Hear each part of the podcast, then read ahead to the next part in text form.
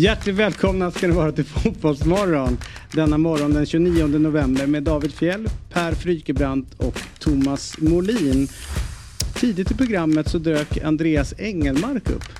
Precis, och vi går ju igenom självklart BP's eh, avslutning på säsongen där man säkrar kontraktet och lite hur han ser på sin egen framtid nu. Mm, och om svensk fotboll lite grann. Verkligen. Som vi hakar på när vi pratar med Jesper Jansson. Som eh, från ett, ett soligt Cypern ser förbättringspotential för den svenska 51%-regeln.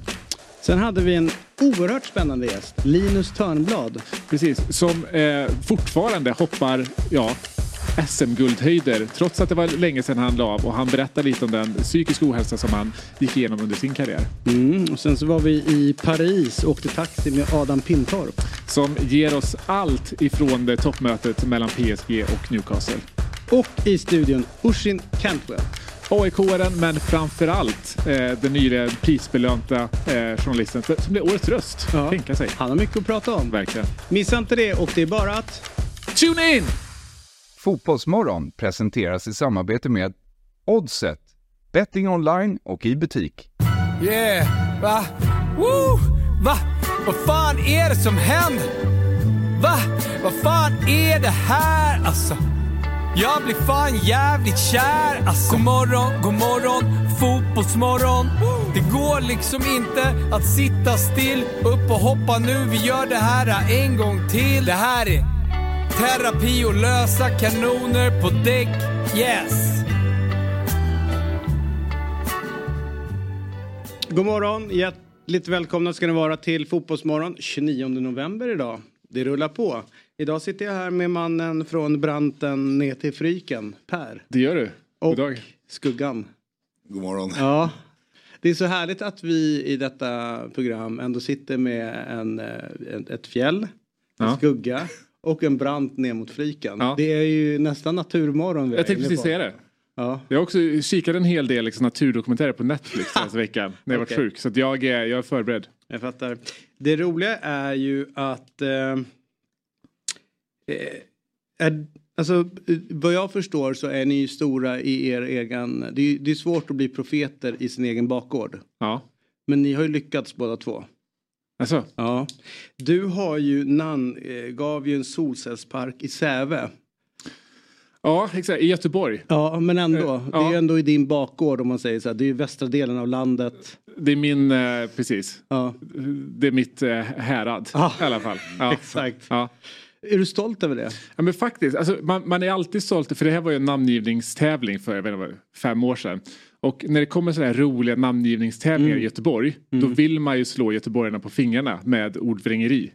Eh, men det där har ju lett till en liten, jag ligger i strid med Göteborgs kommun. Ska man kunna säga. All right. nu. Berätta. Ja, men, det här var en solcellspark som skulle inviga Sveriges största solcellspark och hade en, en namngivningstävling. Uh, och jag skickade in uh, ett, uh, ett förslag och jag tänkte att så här, ja, men Göteborg vi borde spela an lite på ja, men deras olika arenor så helt enkelt. Så ny solcellspark, nya Solevi. Den vann, fick komma ner, liksom inviga parken och liksom allting. Nya Solevi. Nya Solevi. Ja. Här vi snackar sen. Ja. Ja. ja. Eh, och eh, fick några liksom, paneler eh, där och så. Här, här, här har vi mig framför, framför skylten. Och så gick det några år och så skulle de öppna en till. En ännu större. Ja. Och så tänkte jag så här, vi, nu har vi också en namngivningstävling. Och då tänkte jag. Gamla Solevi. Nej men nu ska jag, nu ska jag, nu ska jag visa göteborgarna igen här. Så jag tänkte men gamla Solevi var up for debate för mig, mm. men jag tänkte, jag checkade in och så skrev jag, men nu har ni ju nya Solevi, vi borde fortsätta det här konceptet med att döpa eh, parkerna efter eh, olika arenor. Så mitt förslag är oh. Sandinavium. Oh, Sandinavium. Så tänkte jag så här, det här har jag ju. Väntar några veckor, väntar då morgonen på presskonferensen, går in, kollar, säger de så här. Ja, nu vi hade nya Solevi, vi vill fortsätta det här konceptet med att döpa parkerna efter arenor. Så vi har valt att döpa den till Solinavium. Det är ännu sämre. Ja, men det var nästan det jag tänkte. Att Aha. skulle, att ja, jobbigt att jag också satt och tänkte ja. det. Jag tänkte, så jag skulle, ja, okay, ni tycker in. att den är bättre? Så ni tycker att Göteborg gjorde rätt? Jag tycker att du gör det bättre Per. Så att det, ja. det Nej, men jag, jag tänker att de håller i i din ursprungsidé. Ja, att det var det. Sandinavium är väl en del av ursprungsidén? Sand, vadå sand? Du håller på med S-U-N. Och nej, nej, nej. Somna om. Men kunde inte bara spela vidare på den göteborgska i nya gamla ja, Solevisa? Ja, ja, liksom? ja, jag ja. kanske borde bara gjort det. Men eh, na, är, du, är du ofta inne och namnger saker? Alltså är du med i de här tävlingarna? Eh, alltså jag, bor, jag, jag, är ju det när det är Göteborg. Ja. Eh, för jag vill ju slå dem på fingrarna. Ni hörde de skulle bygga en utomhus, alltså så här kallbad nere ja. i hamnen. Ja. Ni vet vad de döpte det till? Eh, det var, ja, eh, nu kommer jag inte på det bara för det, men vad var det nu igen? Pearl Harbor. Pearl Harbor, just det. Mm. den är bra, den är bra. Mm. Ni hörde också han Sture Allén, han som satt i Svenska Akademin. Han fick ju uppdraget att eh, ge namn till nya, alltså det ombyggda Gamla Ullevi. Ja. När det skulle få ett nytt namn. Ja, det var han som... Ja. Och då eh, kom ju han med, det är ju så jävla mäktigt, han heter ju då Sture. Ja. Stureplan. det var hans första. Eh, men då sa de ju nej. Ja. Och då blev det, så kom han fram, ja men då blir det Gamla Ullevi. Ja. Men var det, var det han som namngav den nya arenan så att säga? Ja men alltså den nya arenan skulle ju få ett... Alltså, ja, den, vet, det, var ju det här gamla nya Ullevi. Ja, exakt. Ja. Men sen så när det blev då att namnet skulle ges mm. så blev det, ja men det blev Gamla Ullevi. Det är kvar, ja. det, det hänger kvar. Fick bra betalt där för mig också. Ja, men det är ju genialiskt att han i första, eh, liksom dels, eh, så som narcissistisk så bara, klart att jag ska få en plan uppkallad efter mig. Ja. Stureplan. Ja, bra. bra ja, det... Men okej, men då lägger jag ner min beef med Göteborg eftersom ni tycker att Solinarium var bättre. Ja. ja. Du, eh, na, nej, jag tycker att du ska fortsätta principiellt ja. och beefa. Ja. Du, vet du vem som fyller år idag? Eh, nej. Thomas Brolin, vad har ni för bästa minne av honom? Oj, eh, bästa minne. 94 är ju lite luddigt för mig, ska jag medge. Så att min, mitt bästa minne är eh, pannbandet. I, eh, som, alltså bandage, ah, bandaget. Eh, det var ett av mina, liksom, ett av mina finaste fotbollsminnen. Om jag säger det här då? Brolin, Dalin, Brolin. Ja, ja England, ja. alltså på 92. Råsunda. Ja. Då jag jobbade för övrigt. Gjorde du det? Ja. Fantastisk match. Otroligt märkligt. Mm. Alltså, när det här, det är 92, jag var 18 år gammal, hade en kompis jobbade på, hans farsa jobbade på fotbollsförbundet. Så vi fick ju jobba, vi var ett gäng polare som fick jobba på alla Sverige-matcherna. Alla gick ju på Råsunda. Eh, och först skulle mudda lite folk utanför och sen så, det här var innan Råsunda byggdes om när det inte fanns något tak. Mm. Eh, på kortsidan. Och jag kommer aldrig glömma, jag stod alltså vid sidan, jag var ganska tanig på den tiden, vid den där buren där engelsmännen stod. Mm. Jag hade inte mycket att sätta emot. det var, men det var, det var ju ganska våldsamt EM, eller väldigt våldsamt var det ju. Men både och, för de, de blev ju chockade. För 1990 var ju katastrof-VM. Då var det ju slaget om Sicilien och, och arvet, mm. allt det som hände med Ja, det var hemskt. Eh, och då var, eh, då var det ju så mycket snack i England just liksom om att, och i Sverige att nu kommer de här galna engelsmännen, huliganerna och kommer göra kaos med Stockholm. Men svensk polis hade ju en helt annan eh, stylish och eh, liksom approach. De höll sig undan och eh, var ju väldigt trevliga. Så att när de här engelsmännen kom och så fick de så här, uh, hur är läget? Uh, Har inte du druckit lite för mycket? Kanske ta mm. varannan vatten? Mm. De bara, vad händer här? Varför slåss de inte? så de blev ju ganska lugna i relation till polisen. Men sen är det klart att det stökades på andra håll. Ja, alltså sådana centrum där efter den där matchen var inte kul. Nej. Det var väldigt, väldigt rörigt. Tänk att det går att hantera situationer så också. Det går att hantera situationer så också. Ja. Annars är ju min favorit när det gäller surra med polis om huliganer. Det var ju eh, när SVT typ inför VM 94 som gick i USA då. Ja. Skickar över någon trygg eh, snubbe som normalt sett jobbar på nyheterna. Han, är he- han bottnar inte alls i huliganfrågan eller i sportfrågan. Ja. Men har ju fått utbokningen liksom så här. Eh, det är strax dags för VM du måste åka till USA. Mm. Tror han drar till typ Atlanta eller typ ja. någonstans där. och eh, träffar en polis och målar upp liksom de här krigsscenerna från Sicilien, de här galningarna som, som kommer. En duktigt, kraft, eller duktigt överviktig snut på en motorcykel får han ja. då tag på och ja. liksom ställer de här frågorna. Och han sitter med sina briller, tittar på honom och bara skakar på huvudet. Liksom så här, I don't see any problem with this. Liksom. Han bara, men de är, de är galna, de är många och du vet, så, de är de slåss, de ja. slår ihjäl varandra. Ja. Ah, no problem. Ja. Han bara, men hur kan du vara så säker på det? Han plockar fram pistolen, I just killed them. det var en helt annan eh, attityd än i Europa. Amerikansk lösning. Ja. ja. Men Brolin som svar på det förra, Brolin, nej, jag måste ju säga alltså VM 94, eftersom jag var ju 20 då, det var ju, Ja, ja men det var ju magiskt. det var ju otroliga insatser. Då. Jag, tyck, jag tror att just Crystal Palace så förstörde ju så mycket för Brolin, för han var ju en helt otrolig spelare. Men liksom man glömmer ju, man, jag tror folk minns honom, sen tror jag också att det är lite grann med hans fysik som blev lite grann efter hans karriär. Så folk minns honom lite fel, han var ju...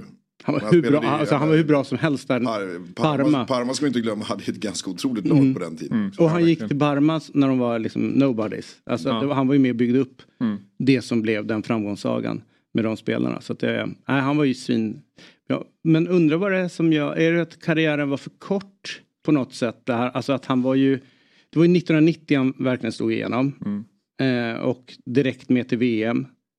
Och sen så har han ju 92 94 som är jättebra. Sen missar ju vi alla eh, slutspel fram tills han har hunnit lägga av. Så att man fick ju liksom inte uppleva honom i mästerskap på samma sätt som man kanske hade velat. Och sen hade han de här jävla benbrotten och skadorna på slutet. Så att när han Hade pikade och var som hade behövt en bäst. större klubb efter Parma. Ja, eller varit kvar på hög nivå utan skador där. Liksom, för Exakt, att, exakt. För han var, han var 28 när han la va? jag tror det. Ja, för det är ju så här, han hade kanske aldrig kommit upp i en högre liksom, nivå ändå. Men det är, han har ju fortfarande sina pikår där i kring ändå. När han la av och kanske några år till. Några år innan ska väl säga. Han Ja. hade ju 28, när han var 28, det är typ då, eh, det, men det, liksom- det är 98, alltså då har han ju liksom haft de här benbrott och försöka komma tillbaka och hamnat i England och Leeds och alltihopa. Det var, det var så jäkla destruktivt de sista åren. Ja, ja, precis, det- För han ja, men det är en, karriär i sig. Jag menar han, jag menar Isak är ju 24 nu. Ja, han ska vara som bäst, ja men precis, han Ja. skulle ha varit som bäst när han la av. det är Precis, det du menar? precis. Ja, helt Ja, rätt. mm. Så att ja, ja han, han borde haft typ 4-5 år, För det känns ju konstigt att han, att han fyller 54 nu med tanke på att han har ju varit ja, det är ju ganska många år nu. han har ju varit med hela mitt liv. Alltså sen jag var liksom eh, eh, min, mitt första minne. Har alltid haft med liksom Thomas Brolin. Och att han bara är 54 Det är känns ju liksom... Det sjuka med honom är ju han, eh, om man, många fastnar ju liksom rätt med fysiken. Men om man börjar prata om hans bollbegåvning, alltså alla, Ja, var- alla sporter som han håller på med så är han ju helt jävla överlägsen. Det är ju rätt coolt. De, någon annan är, är ju Gio Wallner tydligen som ska också vara så här en extrem bolltalang. Det är ändå kul att, att de kan leva sig, att deras talang kan ta dem så sjukt jävla långt. Mm, mm. Eh, och han är väl svinbra på, nu, ja, om det är sport eller inte, men paddel är väl Brolin bra på också. Ja, Ja, känns som bra paddel. Man hade velat se... Paddelaura på honom, Ja, eller verkligen, verkligen. Hade velat se honom i högsta ligan innebandy. Som Henke Larsson. Exakt. Ja. Det här var spännande. Du, Johan Norenius, vet du vem det är? Det är Jajamän. vår favorit från eh, Motala. Han bor i Göteborg. Mm. Hans favoritmusiker, Orup, Oj, grattis. fyller eh, 65 bast idag. Ja. Han har ju någon ny show på gång. Ja, det, jag tror att det är hans, eh, liksom så här, jag gör det här, sen går jag i pension. För han är ju ändå 65. Ja, det är, ju, det är i alla fall den gamla åldern för pension. Det gäller väl kanske inte riktigt längre men Nej.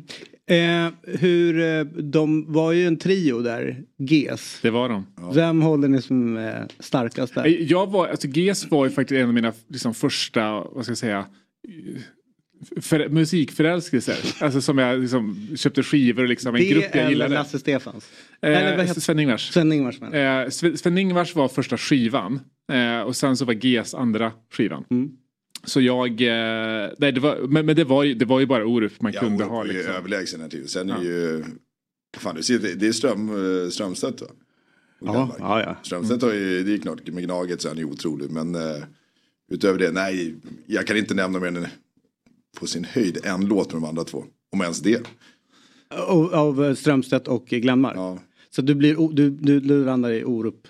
Det är Glenmark som ligger bakom eh, Mare Marek. Ja, ja, ja. Jag tror det. Ja. Ett annat roligt jobb, eh, jobba med Rocktåget uppe i Bollnäs. och Glenmark kommer ut på scen och säger till publiken eh, Bollnäs, vill ni höra lite reggae? Och, drar, och alla skriker ju ja och han har igång Mare Mare. Det var ett, det var ju tungt. Smärtsamt. Att det var reggae. Liksom. Ja. ja, så du säger Glenmark helt enkelt? Jag säger ja, ja, ja, det det. Men grattis Orup ändå. Ja, grattis Orup. Nu ska vi prata lite fotboll. Äntligen. 1 PSG, 1 Newcastle. Ja. Newcastle som ju... Eh, alltså det, det ändå imponerande hur de, eh, vi satt och snackade precis innan om, om Tottenham och deras skador, hur det påverkar. Eh, Newcastle har ju nästan lika många och det verkar inte påverka prestationen ändå, eller i alla fall eh, inställningen och matchtaktiken. Eh, du är ju ett fan av att har man många skador så ska man spela fegt och backa, backa tillbaka. Eh, det gör ju inte Newcastle. Har jag inte sagt att man ska spela fegt men däremot så ska man spela utifrån sina resurser. Ja. Och det lyckas de ändå göra. Ja, men de, det är imponerande att de åker med de skadorna till, till Parc des Princes och kör en så hög press. Mm. Eh, det är ju, trots också att de får liksom ett mål där, där i första halvlek. Och, ska inte Isak göra ett tidigare? Jo, oh, det, det, det, det, är klart han ska göra. Och han är ju, men nu är det ganska bra. Nu har han nu två, eh, två mål på två stormatcher på följd här det känns ju lite, känns inte lite som en definierande månad för honom karriärsmässigt framåt här. För nu har han ju, eh, Callum Wilson är skadad så han kommer ju få liksom förtroendet att, att starta. Eh, men det, vi går in i det tuffa liksom, decemberschemat nu mm. med matcher var, var, var, tredje dag för honom i princip, var tredje, var fjärde dag. Och det känns lite så att drar han på sig en skada nu, en till så här, lite längre skada, då känns det som att då kommer han inte nå den här högsta nivån som vi vet att han har. Nej, kanske inte. Ja, vad jag förstår så är det bara folk utifrån som pratar om konkurrenssituation mellan honom och Callum Wilson. Så, så, så är. Vad jag, vad man, att han är solklar egentligen nummer Han är nummer ett. Ja. Eddie Howe vill ha honom. Ja. Och eh, har ju egentligen Han hade ju i alla fall i det här schemat matchats mycket mer liksom försiktigt om man hade haft Callum Wilson. Så jag tänker skaderisken är ja, väldigt absolut. hög nu. Men också för att han har haft de mm. skadeproblemen sedan han, sedan han kom dit. Eh, det som eh, vi ändå måste prata lite grann om i detta är ju Mbappé också. Ja. Det är ju en extremt bra fotbollsspelare. Alltså något jävligt bra. Mm. Men ibland kan jag få för mig, eller när jag sitter och kollar, att han kanske inte spelar tillsammans med sina lagkamrater alltid utan spelar väldigt mycket samtidigt. Mm. Och sen bjuder han in dem till att uh, en, en, en, en passning för att han måste för mm. att sen få tillbaka den. Är han, um, det, är det bara jag som känner att det är någonting som skaver i relationen mellan honom och de andra? Annat, han behöver ett annat lag. Det är ju, alltså jag tycker det är jättetrist med Mbappé för han är så otroligt bra spe, spelare. Han har ju redan nu meriter som räcker för att ranka som en av de största i eh, anfallarna. Men så länge han håller sig kvar i PSG så kommer han bara bli den där han var jätteduktig men kommer inte minnas. Han behöver ett, han behöver ett Real Madrid eller liknande. Alltså kanske Premier League. För att ta nästa statussteg. Mm. Mm. Och kanske också som du säger, det är, jag tror att det här att spela en vecka in och ut i franska ligan är förödande för de här storspelarna. Det blir som att de, det är bara Champions League som gäller egentligen. Det är klart de vill vinna ligan, mm. men det är ju Champions League som blir liksom det avgörande. Vinner de Champions League då kommer ju alla dra. Ja, ja exakt, exakt. direkt. Ja. Men eh, så, så han, han är ju, det, det, är ju någonting med honom som är eh, så sjukt mäktigt. Dels har han ju ja, men, hans speed, teknik, skott och sen så fysiken. Såg den där i, jag tror att det är andra halvlek när han liksom går in och gör en offensiv tackling på, mm. jag tror det är Kär. Mm. Han är ju på väg upp på läktaren. Ja, och, och, sen så liksom bara plockar bollen och sen så skottar han tar. Då står ju Pope fattar inte vad som händer, han får ju bara bollen på sig. Mm. mm. Eh, och sen returen dock utanför. Ja. Men hela den aktionen är ju ett monster. Ja, eh, verkligen. Eh, det, alltså, synd att den inte gick in för det hade, rubriken hade varit lite annorlunda idag ja. om man hade gjort det målet. Men han är ju, alltså, han, Mbappé är världens bästa fotbollsspelare. Sen han har haft väldigt, han har varit väldigt svajig sen VM. Men är, jag håller helt med dig om att det är PSG-tröjan som känns som att han spelar för sig själv. För det är inte samma Mbappé vi ser i PSG som i franska landslaget. Det känns som att han tar ett större kollektivt ansvar i franska landslaget. Och då är han ju också mycket bättre. Mm. Jag menar, all, de höjderna vi har sett från honom, det är ju i VM.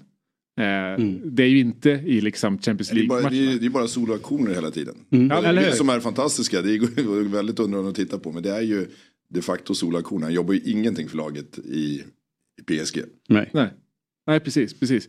Så eh, och, alltså, de här skriverierna har ju varit om honom ganska, ganska länge nu. Inte, inte minst efter att eh, ja, flykten från, eh, med, med Neymar och Messi från Eh, eh, från PSG i sommar här. Man trodde att så här, för de här, jag vet inte om vi ska kalla dem divalaterna, men lite mer individualistiska fokuset ja. från honom. Man trodde att det kanske skulle försvinna lite när Messi och Neymar försvann, när det blev lite mer Mbappés lag. För det har aldrig riktigt fått vara det under hans tid i PSG. Men nu när det är så nu när det har fått bli det, då känns det som att han har tagit en nivå till i den här liksom, det individuella fokuset. Kan, är det för att han liksom... Kanske känner ansvaret Exakt. att han måste göra det och han kan göra det. Exakt. Ja. Med den, den situationen du pratar om här. Man kan ju också se det som att säga, ja men vi har ju inte eller skapat vi gjort men vi har inte fått in bollen. Jag behöver göra själv och han gör det nästan helt själv.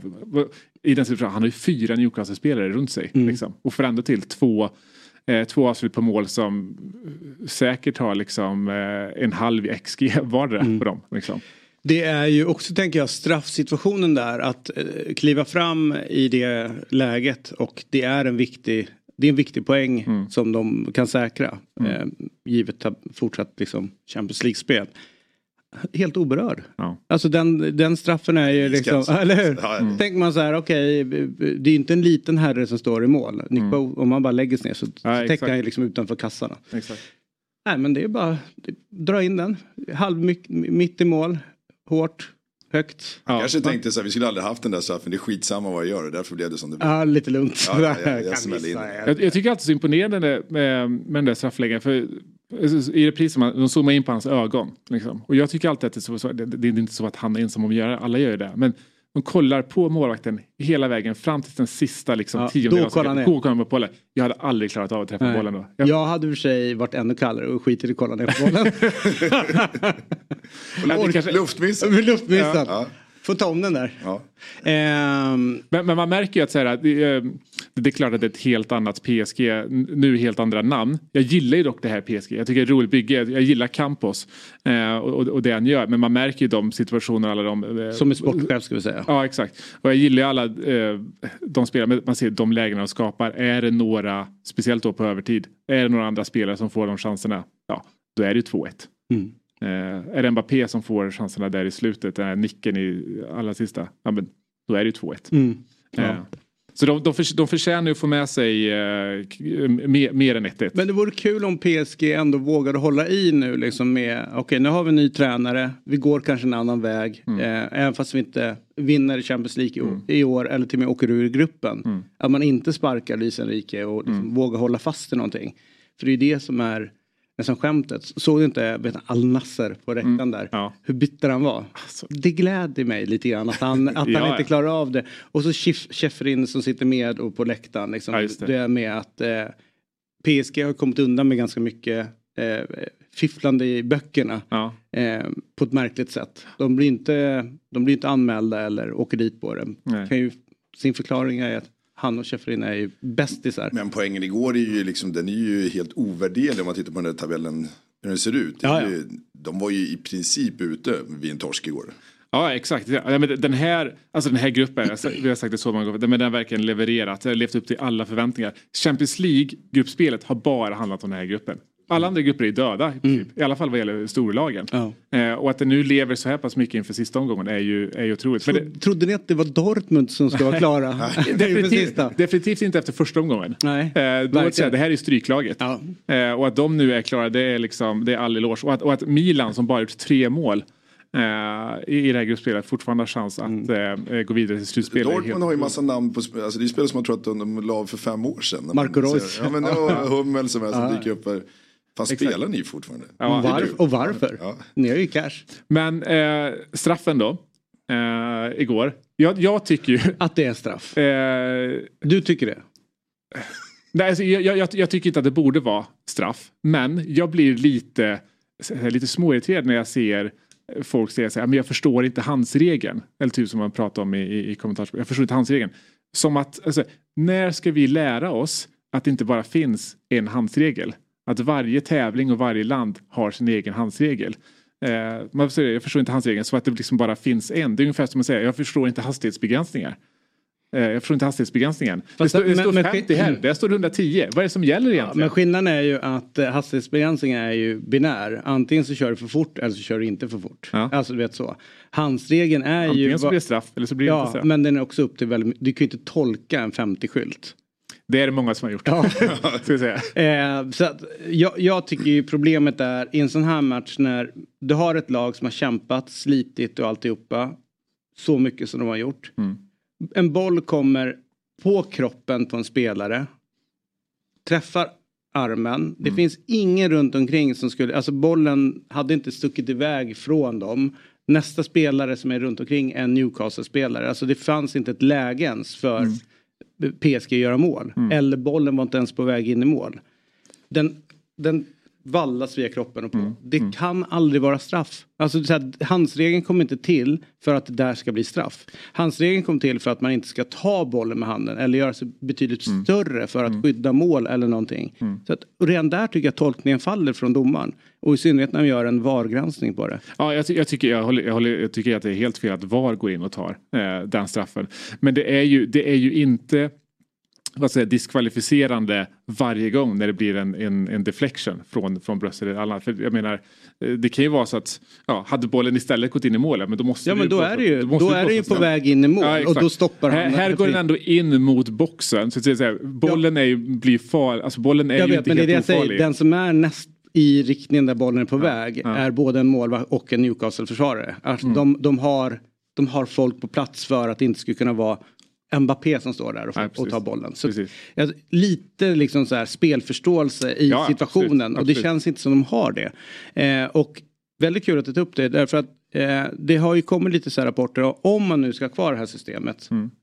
då tycker jag att det finns vissa saker och jag läste någon som sa det som var ganska bra. Det är ett, ha före detta spelare som sitter och kollar. Mm. Inte domare utan folk som har lirat.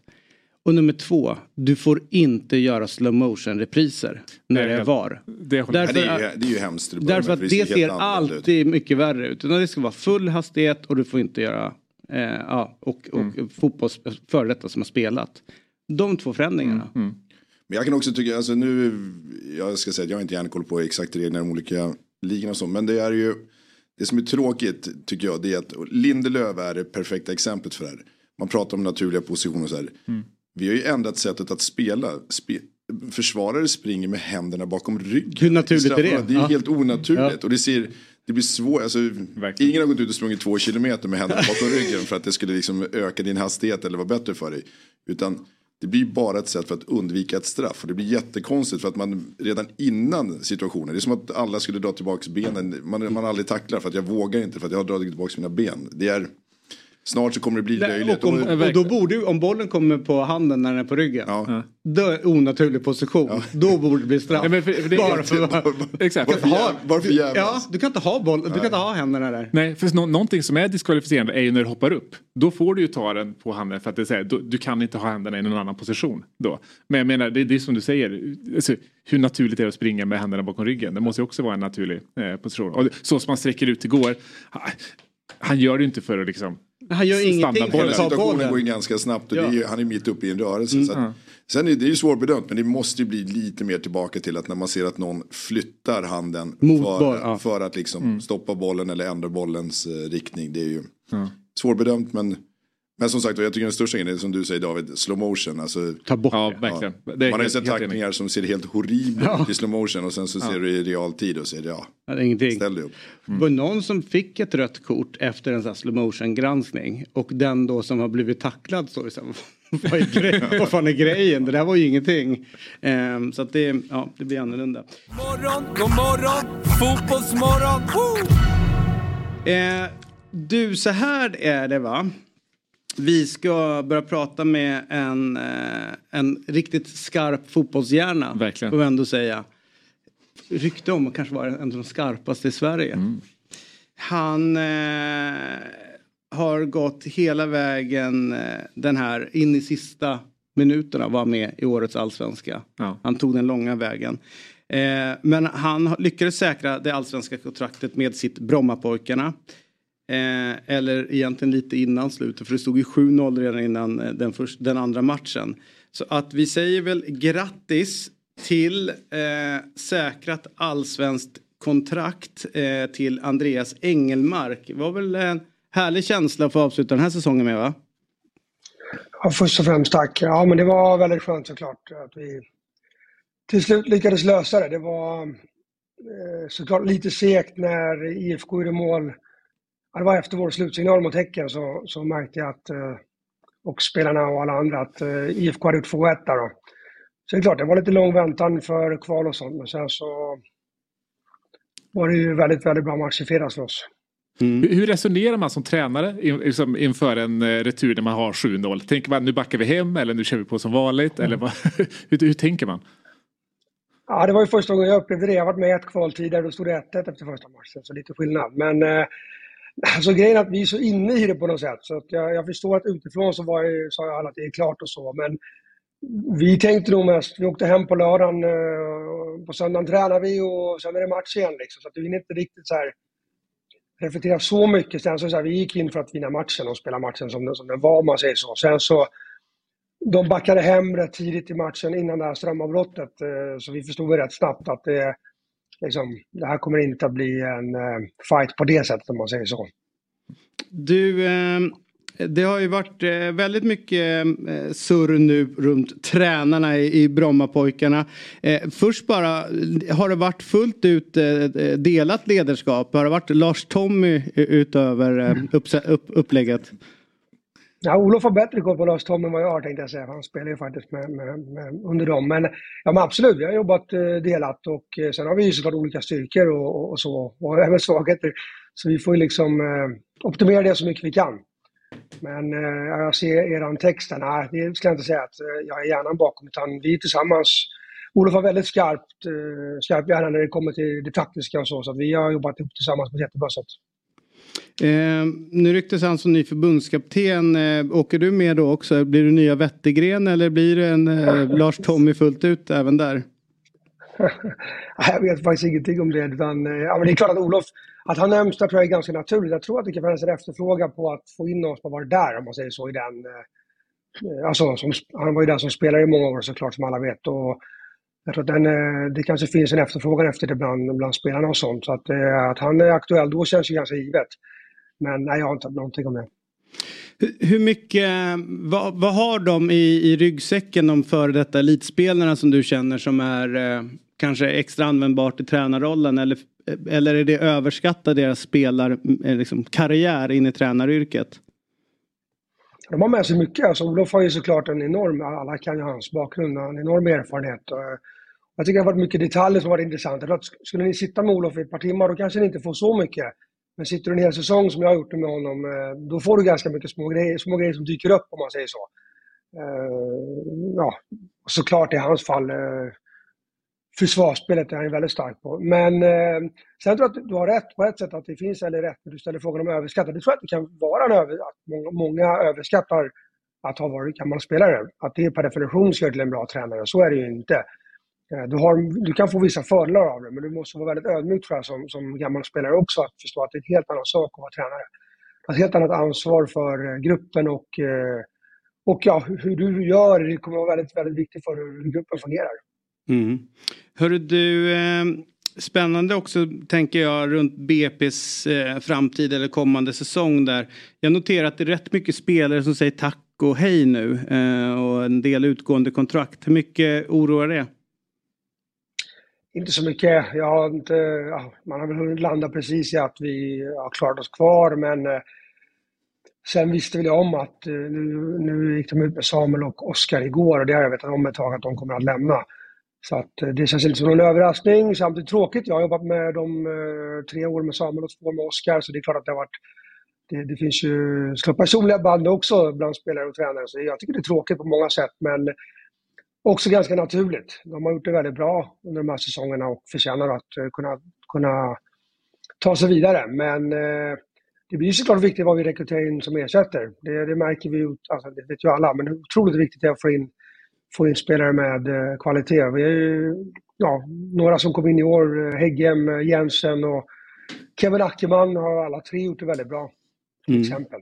Jag tänker där på dig och Olof eh, och inför framtiden här nu. Känner ni er som en, en, en duo och kommer liksom hålla varandra i, i handen framåt oavsett om det blir i BP eller någon annanstans eller att du vill liksom stå lite mer på, på egna ben så att säga? jag tror att vi absolut skulle kunna vara en duo och ta oss vidare tillsammans någonstans, vara kvar tillsammans. Det är ju de... Du tror absolut båda de möjligheterna finns. Sen eh, tror jag också att vi båda är liksom, individer, om man säger så, skulle kunna tänka oss att, eh, ja, det, men för han förbundskaptensjobbet, eh, om det nu är aktuellt, eh, ja, det är väl svårt att säga nej till misstänker jag. Så att eh, det är ju bara, då, då ska han ju köra, tycker jag. Eh, men, eh, och om han då skulle vilja ha med mig eller inte, det, och det är inte bara han som bestämmer, det, det vet jag ingenting om. Mm. Du, eh, det är ju spännande med det. Du har ju varit i BP i stora delen av eh, eh karriären men också varit i USA. Eh, hur är fotbollen där? Vad skiljer det åt här i Europa? Är det annan sätt att tänka, annat sätt att träna? Gör de annorlunda saker? Jag var ju där eh, i Columbus Crew då, och jobbade i akademin då, eh, två år. Och det var Greg Berhalter som var här i Hammarby som, eh, som eh, kanske inte lyckades så bra här men har gjort det väldigt bra i USA. Då. Han blev ju sen också förbundskapten apropå det. Då. Så under min tid där, sista halvåret, var inte han kvar. Men för då hade han gått i landslaget då, då och var ju under VM här förra året. Eh, man ihop lite tränaren, eh, det sa, men även eh, från Valencia. Eh, Eh, så vi var en mix liksom. Det var jag och så var det de från Valencia och så var det amerikanerna där. Så vi var väldigt spanskinspirerade just i den akademin eh, och i klubb eh, även A-laget. Hur vi jobbade med, med träningsmetodik och sånt. Och det kan jag tycka är en skillnad i USA mot Sverige. Det är att det kom folk från hela världen där. Det var fransmän, det var italienare, det var sydamerikaner. Så när vi åkte runt på turneringar och sånt och man träffade alla de här så var det väldigt mycket influenser från hela världen. Där jag kan tycka att det blev en mix som blev intressant. Här tycker jag fortfarande vi är fast i diskussioner som inte... Där liksom, det finns in, nu kanske det börjar komma upp lite mer, men det har varit för lite debatt om hur vi ska träna, hur vi ska, hur vi ska spela. Um, för mycket snack om andra saker. Jag tycker det är alldeles för mycket snack om, om uh, VAR till exempel. Ska hela svenska fotbollsdebatten handla om VAR? Vi har väl andra saker att diskutera mm. också. Och nu, nu, nu blir det ju mer diskussioner kring att vi har uh, Olof Lund har väl en uh, poddserie nu till exempel, men det här har kommit, det skulle kommit för länge sedan de här typen av diskussionerna. Så att uh, det är för mycket diskussioner om, om bengaler och VAR och för lite om uh, hur vi ska utveckla, utveckla svensk fotboll. Eh, oerhört kul att du tar upp just den delen. Vi, vi har hållit på och kollat runt, för vi har pratat med folk om svensk fotbollsutveckling. Eh, liksom, vad krävs för att vi ska ta, ta krafttag runt det där. Och när man har ringt runt och pratat med fotbollsfolk, alltså ni som jobbar i fotbollen, så verkar det vara en oerhört stor frustration att alldeles för många punkter i klubbar, på förbund, inom SEF och så vidare handlar om saker som inte är fotboll. Utan det är massa annat som diskuteras. Ja. Och väldigt många som anställs är inte liksom direkt fotboll utan det är mycket annat. Och nu börjar liksom, ja, jag vet inte, nu börjar det komma upp att folk börjar prata om det men det känns som att det är jättestor frustration när man pratar med folk inom, som jobbar i fotbollen. Ja, 100 procent. Jag, jag, jag blir chockad över att de ska... SEF-delegater kan vara irriterade när vi kommer två minuter sent med laguppställningen till domaren. Liksom. Men så kan planen se ut som skit och det är ingen som, det är ingen som reagerar på liksom. Och det blir också en diskussion med konstgräsgräs. Jag är allt för gräs. Det var bara, I USA fick jag uppleva det mycket mer och vilken kvalitet det kan vara på planerna. Men kvaliteten på gräsplanerna i Sverige är oftast för dålig. Eh, och kvaliteten på konstgräs är ibland för dålig. Det är också en diskussion som, är, som påverkar vår utveckling. Och en annan diskussion kan ju vara, hur ser superettan ut? Vad har vi för snittålder i superettan? Om vi inte kan investera pengar i akademierna som till exempel Danmark kan, för de har inte 51%-regeln. Jag tycker 51%-regeln är fantastisk på många sätt, så det är inte det jag kritiserar, utan det är ett faktum att dansk, dansk fotboll tar in utländska investerare som har väldigt mycket pengar. Och, eh, men då kanske vi kan eh, använda A-lagen lite mer då till att utveckla unga spelare. Men superettans snittålder är inte 19 liksom det är många lag som har, mm. har väldigt många erfarna spelare där. Och det är också för att åker du ur Superettan är, är det väldigt tufft. Jag var själv i division 1 med BP i två år. Det är väldigt tufft. Eh, helt annan verklighet. Och det är två lag som kvalar, två lag som åker ur, så det är lätt att hamna där i Superettan. Så att eh, ni märkte ju själva hur jämnt det var i år. Mm. Så jag kan förstå att man spelar med erfarna spelare. Men eh, vi behöver nog många unga spelare i Superettan till exempel. Och ja, såklart. Det är ju spännande med 51%-regeln. Det är ju någonting som vi har börjat prata om här efter, eh, ja, det, det, det är ju massa medlemsmöten som pågår och jag då tycker inte att vi som medlemmar tar det ansvaret som skulle behövas för att liksom sköta klubbarna. Eh, och man hör rätt många som varit utomlands eh, i andra länder där det, man inte har medlemsstyrt utan det är liksom rakare och tydligare beslutsvägar. Hur, hur viktigt är det i din roll att, att liksom den där kommunikationen är som klockren uppåt, alltså mot sportchef till ordförande till klubbledning och sånt där. Hur, hur mycket stör det när inte det funkar? Ja, det stör ju mycket när inte det funkar. Det, det tycker jag verkligen. Sen, sen, jag gillar idén med 51%-regeln. Sen är det lite som du är inne på. Den blir inte alltid så demokratisk som alla tror. För att det är ganska få som går på årsmötena. valberedningens process eh, för en styrelse är inte alltid jätte... Ja, den kanske är grundlig, men sen blir det väldigt lite diskussion, på, i alla fall i BP, på årsmötena om, om vem som ska då väljas in i styrelsen. Mm. Och sen helt plötsligt har styrelsen väldigt mycket makt och har inte investerat en krona i, i, i föreningen. Eh, det, det, det, kan jag tycka ibland blir lite konstigt. Sen beror det på hur man lägger upp det. Jag träffade Ola Andersson här för ett tag sedan. Han var på, jag, jag går den här pro-utbildningen, han var där och han sa att i Sirius så var det han som sportchef och klubbdirektören som skötte det. Det var tydligt. Det var inte styrelsen som involverades. Så då, då tror jag det kan funka väldigt bra. Mm. Då anställer de en eh, VD, klubbdirektör och sen anställer de en sportchef då, och sen får de sköta sporten och så rapporterar de uppåt. Mm. Men eh, medans ibland kan det ju vara att det blir kladdigt. Och eh, då kan jag tycka utomlands som i USA, det var inte jag särskilt nära ägaren ska jag inte påstå, men, men eh, där var det ändå tydligt vem som, vem som bestämde. Men det finns ju stora risker med det också såklart. Mm. I, I, vårt fall här i Columbus så vill han flytta, flytta klubben till Austin i Texas. Det var en pågående process hela tiden där.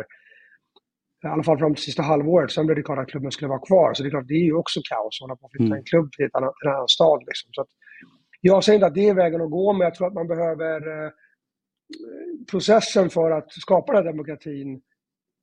Den tror jag vi, jag tror medlemmarna måste ha mycket, mycket större ansvar i klubbarna för det. Det är ju en klubbflytt i miniatyr, eller i, kanske inte fullt ut, som är på gång i svensk fotboll nu. Har ni noterat att Västra Frölunda ska flytta in typ verksamheten på Kamratgården? Och jag kan tycka det är okej att, att Blåvitt vill ha någon samarbetsklubb. Men ändå så här, Västra Frölunda, det är en klassisk liksom, svensk klubb nu som liksom helt går upp i någon annan. Mm. Det skaver någonting där tycker jag. Eh, I det hela. Var ligger ens Frölunda nu för tiden? Ja men eh, skitsamma, de ligger i Göteborg. ja, jag tror att ja, geografiskt vet jag ja. i seriesystemet.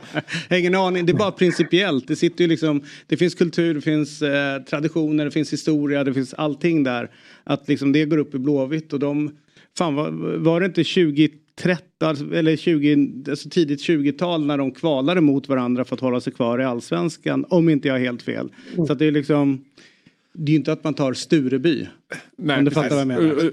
Jag tycker det är lite intressant med BP just du pratar om eh, styrelsens makt och hur man bedriver en klubb. Alltså som tränare skulle jag känna en viss frustration. Ni har ju fött hela allsvenskan med spelare under alla år och det känns som att det är någonting uttalat att så fort en spelare blir bra så lämnar man. Jag kan känna som tränare hade det varit kul. Kan inte jag få behålla de här en eller två säsonger till?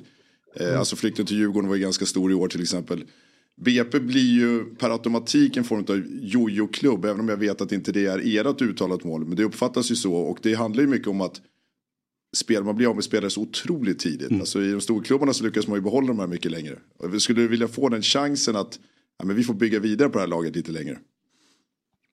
Givetvis. Alltså det var ju klart tufft förra året när vi vinner Superettan. Och har Wilmer Odefalk kommit tillbaka till oss nu i somras, men han spelade nästan varje match förra året. När han var hel i alla fall. Det var några matcher han missade på våren. Och Theo Bergvall hade ju börjat spela ganska mycket och hade varit ordinarie i år, likaså Lukas. Eh, det är klart att det är tråkigt när, när spelarna lämnar. Samtidigt så förstår jag också spelarna. De vill ju gärna testa en större klubb. Ehm, mer publik och alla de möjligheterna och ekonomiskt också bättre. Så att det är inte bara eh, klubben som, som, som kan säga nej om man säger så. Det är svårt när spelarna vill gå. Och jag har ju som sagt varit i BP ganska länge så jag har sett en, ett gäng flytta vidare och i några fall så tycker jag att de har varit lite eh, ivriga. Och det kan jag tycka i Wilmers fall till exempel. Det, jag nämnde honom också att uh, nu är han tillbaka. Jag tror att han hade, han hade gjort flera allsvenska minuter i alla fall. Han hade varit kvar såklart eh, totalt. Men det är inte så lätt att säga nej i det läget. Men det här har varit svårt för oss att bygga på samma lag när det gäller unga spelare. Det vi har gjort de här senaste åren är ändå att vi har haft en del spelare lite äldre, andra chansen-spelare. Samuel Holm och Oskar nämndes här tidigare.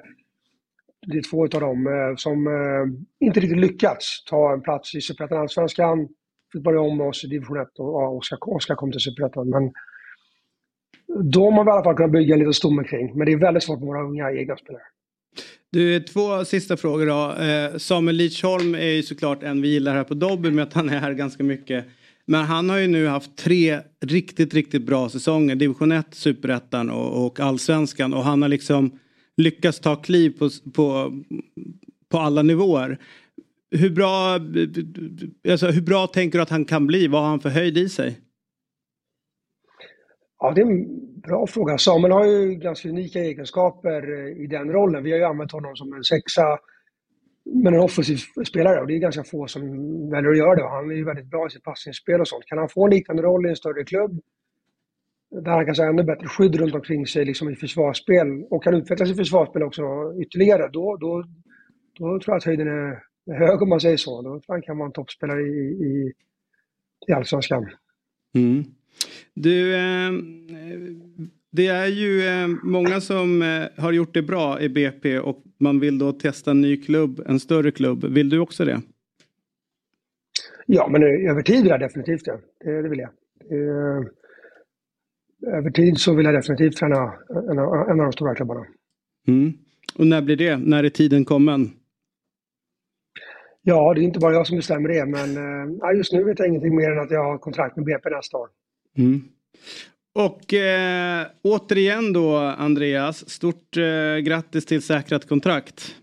Ähm, Tack så mycket. Det blev inte så jävla spännande till slut som man hade kanske hoppats. Alla bänkar sig inte för sista nej, nej, jag gjorde dock det. Ja, jag såg hela matchen. Ja. Eh, så det var stort. Det ja, vi håller kontakten. Ha det gott. Ha en bra onsdag. Samma. Hej. Hej. Morgon, god morgon, fotbollsmorgon. Woo! Ett poddtips från Podplay. I podden Något Kaiko garanterar östgötarna Brutti och jag, Davva, dig en stor dos skratt. Där följer jag pladask för köttätandet igen. Man är lite som en jävla vampyr. Man har fått lite blodsmak och då måste man ha mer. Udda spaningar, fängslande anekdoter och en och annan arg rant. Jag måste ha mitt kaffe på morgonen för annars är jag ingen trevlig människa. Då är du ingen trevlig människa, punkt. Något Kaiko, hör du på Podplay. Därför är gardinerna. Morgon, god morgon, fotbollsmorgon. Woo! Thomas, jag vet att du har eh, lite tankar kring just 51%-regeln. Ja. Berätta. Ja, men jag, min tanke bygger lite grann på att jag tror det finns så otroligt, det finns ju ganska mycket folk i Sverige som har en mer eller mindre obegränsad ekonomi. Eh, jag tycker att man skulle kunna se det lite som ett hobbyprojekt. Man kan göra det med pengar som egentligen inte påverkar din privata ekonomi så mycket. Så att, ponera att du sitter på ett par miljarder säger vi. Du går in med, alltså jag vet inte vilka summor vi pratar om, jag tror att för 200 miljoner då är du liksom, då kan du mer eller mindre börja konkurrera med Malmö i, mm. i allsvenskan. Mm. Och jag skulle säga om du då är supporter och känner så här, men jag kan ta mitt lag till en helt annan nivå, vi kommer börja åka på Champions League-kval, vi kommer att vara med och konkurrera om seriesegern varje år.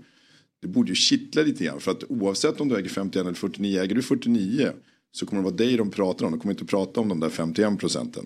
Eh, och det kommer bli som din klubb indirekt ändå fast du inte är inte i majoritet. Nej. Men, men det, det, man hört som folk då har sagt att jag tänker inte gå in och investera i den här klubben om inte jag får full kontroll. Så är det absolut. Men jag tror att, jag tror att 49 procent ger dig mycket mer kontroll än vad folk uppfattar.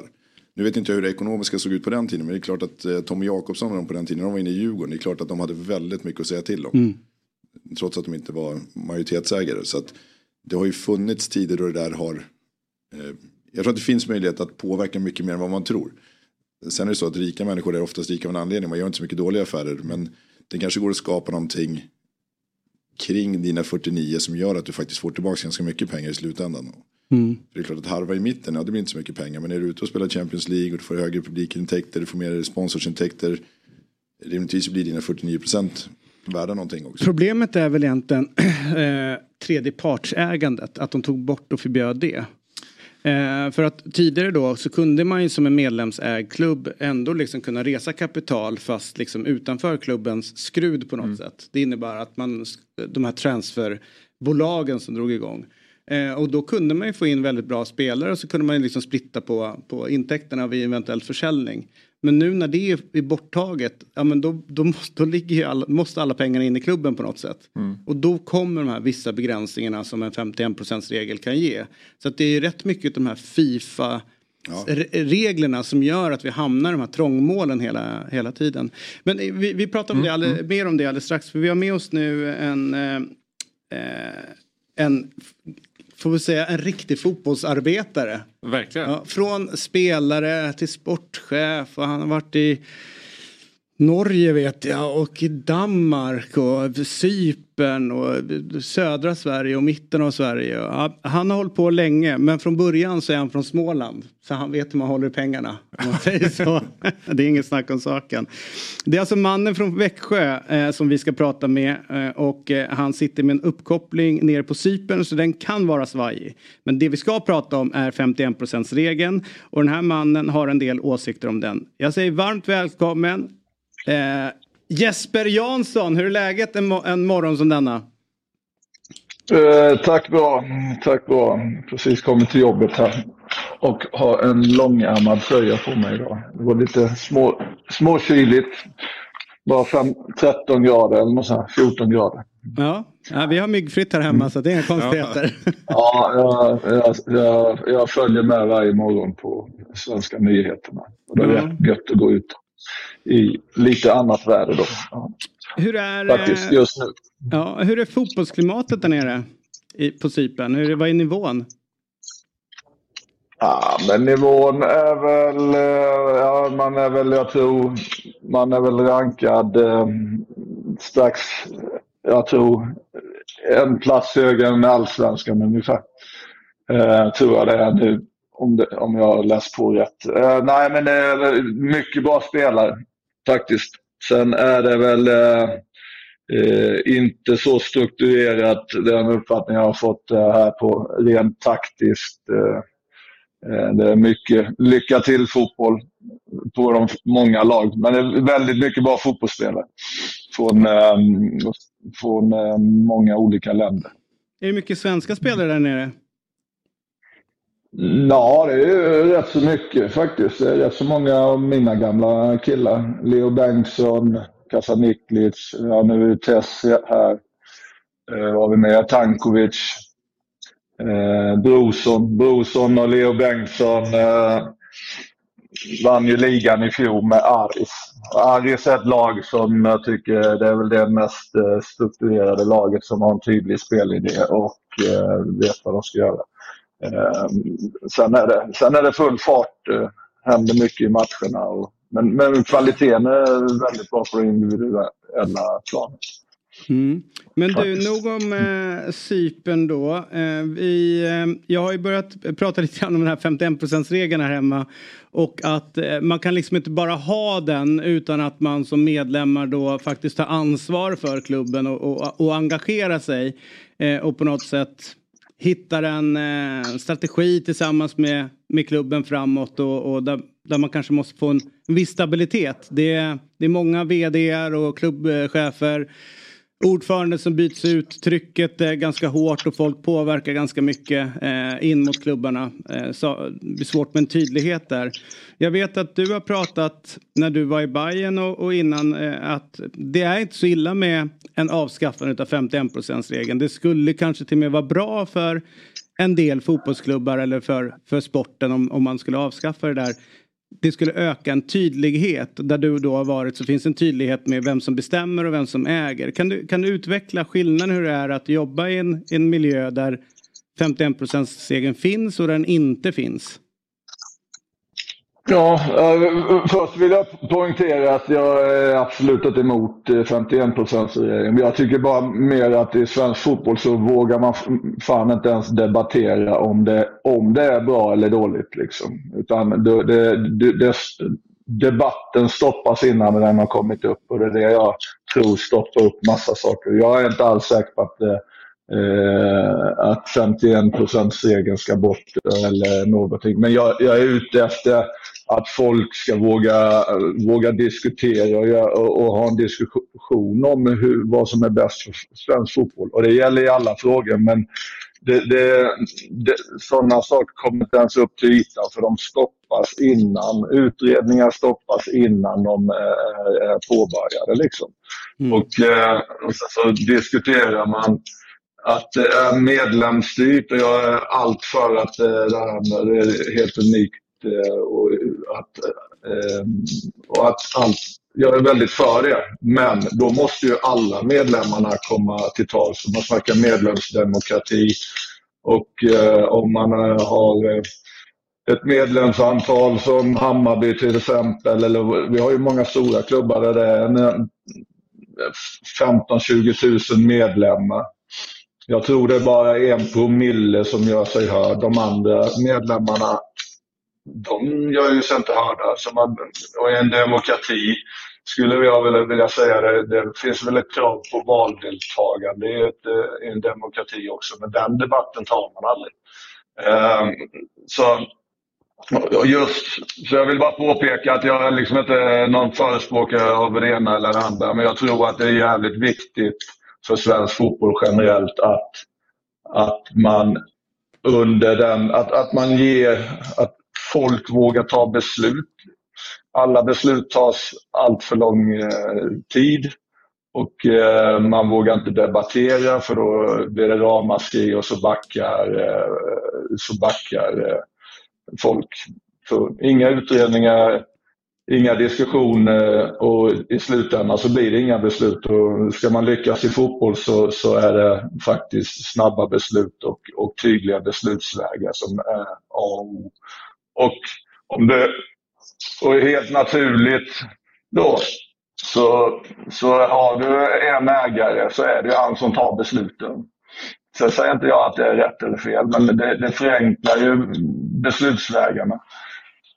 Så i svensk fotboll så tycker jag man borde diskutera det istället för den med 51 regeln vill eh, nog de flesta ha kvar, men börja diskutera mandat, beslutsvägar och eh, forum för, för debatter hur man ska eh, utveckla svensk fotboll istället.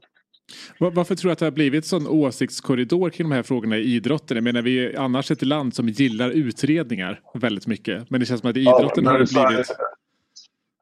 Ja, jag vet inte. Jag tror det är rätt demokratiskt överallt här. Det märker jag en stor skillnad här nere faktiskt. För, för de förväntar sig att eh, har man en position så förväntar de sig att man ska ta beslut. I Sverige är det ju att alla ska vara med i, i varenda beslut och det ska vara demokratiskt och, och allting. Och, och det blir ju lite i en fotbollsklubb så jag brukar säga att det ska vara tydliga roller och, eh, eh, och så har man eh, olika kompetenser och förhoppningsvis har man spetskompetenser. Då måste man låta folk ta de besluten de är anställda för. Eh, eh, ja, men, jag tror i svensk fotboll, jag, jag kan prata hur mycket som helst om det, men du har ju stadgar och regelverk. De flesta klubbarna och även förbund är väl bildade i någonstans slutet på 1800-talet, början på 1900-talet. Eh, processerna och stadgar och reglement, de ligger ju kvar sedan den tiden. Det kanske är dags att se över de mm. sakerna också. Mm. Ja, verkligen. För jag vet, du som ändå är väldigt inne i det här, du, du, du känner ändå att säga, den största förbättringspotentialen i 51 regeln det, det ligger kring beslutsprocesserna och kanske inte nödvändigtvis liksom möjligheten att ta in externt kapital som är det som, som, som många lyfter också utan det är just liksom möjligheten att effektiva beslut snarare som är det viktiga vi behöver ta tag i. Ja, absolut. Jag tror inte, jag tror att Eh, Eh, jag är absolut inte ute efter... Jag, jag, tycker svensk fotboll mår bra. Liksom. Eh, man gör mycket bra saker. Det är mycket publik, det är mycket sponsorer. Man jobbar på ett oerhört bra sätt där man, man, eh, man säljer spelare. Så det, det är inte det som är stora problemet anser jag. Utan det, det är var ligger besluten? Liksom? Var ligger mandaten? Utan det, det, och hur lång tid tar de? Jag, du vet, och det hänger i hela vägen. Jag läste nu, jag följer ju med, liksom att nu var det ett stort beslut på redskapsmötet. Eh, Reinfeldt var ute och... Med gräsmattan? Ja, och det, det, oj, ett sånt beslut, det, det där skulle ju tagit för tio år sedan. Det är väl självklart att, att man ska ha samma längd på gräset och att det ska vara jämna gräsplaner. Ska du behöva ta ett sådant beslut i repstadsmötet 2023 liksom? Ja, Sonny Karlsson tog upp, eh, jag vet inte hur, 15 år sedan liksom, eh, att vi borde spela med samma bollar i allsvenskan, samma märke. Och så. Det tog fan sju år att få igenom det. Liksom, det, det tycker jag är lite typiskt svensk fotboll. Och och på den vägen så hinner, hinner andra länder springa ifrån och eh, så, så ja, tydlighet. Det är det viktigaste. Vem tar besluten och i vilka, eh, vilka, inom vilka områden tar vilka beslut. Det är viktigare än 51 procent. Jesper, hur, hur har det funkat? Eh, Hammarby hade ju ändå, AIG hade väl 49 procent eller kanske har.